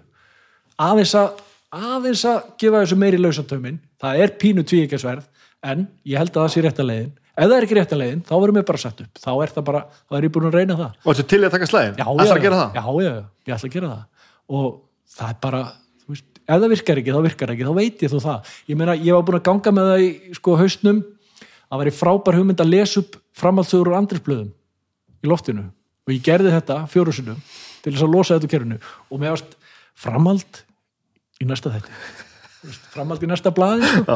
Þetta var ekkit gott útvarp. Nei. en mér finnst þetta geggjað, ég las þetta með röddum og allt og ég próduseraði þetta ekki neitt. Og bara las þetta beint eins og kemur að kunni og bara, fólk bara hugsaði, hvað, ertu, ertu að fá heilablófall í loftinu? Ég var bara að prófa þetta sko, ég var bara að komast út úr sísteminu uh, það, er, það er hellingu sem ég langar að gera. Hvort það, hvort það ég geri, ég veit það ekki. En þú ert ekkert að greiðast með þetta eins og þetta borgarleikusmál Nei, ég bara býð eftir að, að Þetta var púslið sem ég vantaði sko. Því það, þetta gæti ekki verið að þú værir að þú eru búin að tikka við sko verallega listan og, og bara ánæður í vinnunni og bara komið bakka upp og bara vilt bara börnunni þín líði vel. Ég, þetta bara e- eins og þú varst búin að tala ég meika ekki sens að þú værir ekki með einhver svona brennandi Nei, einhver þe- á undan sko, framöndan sko. þetta er ekki, er ekki beint grín heldur því að, því að hérna, mér finnst og mér finnst sko líf mitt vera sjónvarsþáttur, mér finnst stundum eins og ég sé í Trúmansjó og mér finnst bara að besti sjónvarsþáttur sem ég geti hort á væri bara dagur í lífi mínu. Og þá er ég ekki að tala um veist, ég er bara að tala um Everybody Loves Raymond nema bara Everybody Loves Omar. En það er bara dagur minn með öllu rugglinu sko. Þú veist bara alveg, oh, hvað er síminn? Og hundurinn og eitthvað. Og þú veist, mér finnst þetta bara að vera frábær hugmynd. En ég að verði ykkur tíðan aðeins eins og bara hugsa, hugsa bara stórt eins og með skálmöld af hverju bara alltaf kjallarinn á gauknum og eitthvað, þú veist, búm gerum þetta stærra. Já. það er mitt að gefa því sens Já, gefa þessu séns og keira á það sko. ég er í þeirra aðstöð að geta kert á það eins og núna með útarpið en það, að þetta er endalust tvík en ég er pínu þannig að ég vil setja fólk í loftið ég vil segja þið til, ég vil fylgjast með því ég vil ekki mikromanagera því. Það er mikið gert af því að það sagt nei þú verður að tala svona, talið þetta langa tíma ég var alls ekki þannig, ég vil bara fólk finni sig. Það verður engin dagskrárgera maður á einu þætti. Það verður að fá, leifa fólk að ná stressin úr sér, ná tækni stressin úr sér en að leifa því bara að vera búm, að blómstra. Þú veist, það er eina hlutverki mitt sem ykkur yfirmaður á exinu að leifa fólki að blómstra. Og ef þú hefur eitthvað fram að færa þá nennir fólk að hlusta á þig það er bara þannig og ég bara held að það sé fullt af fólki ég er bara í þeirri forrættinda aðstöð að vera bara með fleiri en færri sem að ég held að hafi bara helling fram að færa sko. það verður gríðarlega gaman að fylgjast með því og gera það sko. en mér finnst ég alltaf að vera aðal sko. eða þú veist, eins og þetta eins og þetta borgarleikustæmi sko.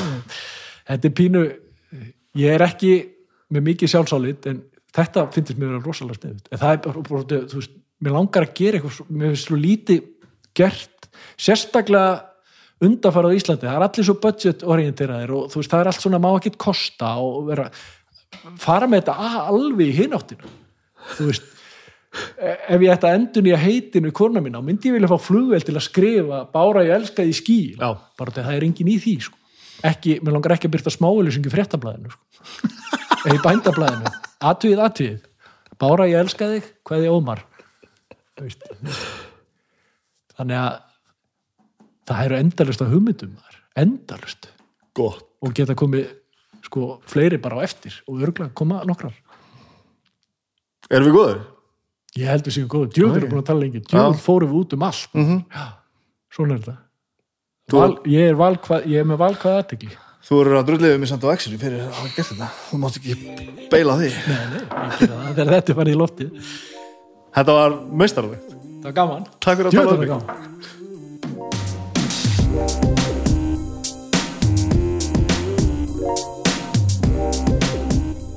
Þetta er skemmtilegur, skemmtilegur ferill einis manns. Það er búið að þurfa að kveða niður djöfla og horfast í ímiskonar og, og eitthvað segir mér að þetta hafi ekki alltaf verið svona bjart. Uh, frábært að vera komin að það stað að geta einhvern veginn tek- tekið það jákvæða öllu en þetta hefur greiðlega verið erfitt á tíma. Þetta hefur verið erfitt á tíma en stórkostluðu náðungi sem ég er búin að kannast lengi við og gerum óskaplega væntum þetta var mjög gaman. Svo rættum við hérna eftir á um teknumindasögur og vínilplötur og, og bara traktorinn hans gamla Massi Ferguson sem hann kefti og gerði upp. Ekki að því hann hefði eitthvað við hann að gera heldur bara því hann langaði til þess. Og þetta á maður að gera. Gera hlutina sem gleðja mann nógu mikið án þess að, að steipa sér í voða og vandræði. Án þess að steipa sér í voða og vandræði Þetta var nú þannig. Eh, Ég ætla að minna ykkur á það að domstafari byrjar aftur. Það er finnst það gaman. Mér finnst gaman að heyra domstegi. Það er aftur nýrþáttur á mándaginn, eitt sem var síðasta mándag. Á viðtalinu sem ég tók við slags tekvið, þetta er nú tekið upp í fórstíðinni, eða sérst, þetta tekið upp í fórstíðinni, þetta tekið upp áður en ég tek viðtalið við Þóri Bald, en ég gerir á fyrir að það veri stórkostlegt, þannig að það er, á uh, Facebook síðu hljóðfærahúsins þegar þið hlustið á þetta. Eh, besta platan þáttur nummer 102 annar þátturinn í annari serju hjá Hauki Viðari og Arnari og eh, Baldri. Og það er Lana Del Rey. Og hafið það, annars vil ég þakka bara eh, Pitchunni og Simonum Pay fyrir að gera þetta með okkur hérna. Eh, það er nú ástæðan fyrir því að þið getið hlusta á þetta frýta þessi eins og Ómar, Ómar Úlur komið mjög stert inn á þessu viðtali hann skilur náttúrulega nákvæmlega hvernig þetta virkar. Við fáum samstagsæðila sem því það að þetta virkar. Og við getum gert það sem við þurfum að gera aftur þetta með húsnæðið við erum leitt ykkur á húsnæði. Ef við erum með ótrúlega hendugt húsnæði undir hljókirkina með láta ykkur vita. Annars var þetta bara svona þessa vikuna og við höldum þessu svo bara áfram. Við heyrumst eh, eftir viku. Bless bless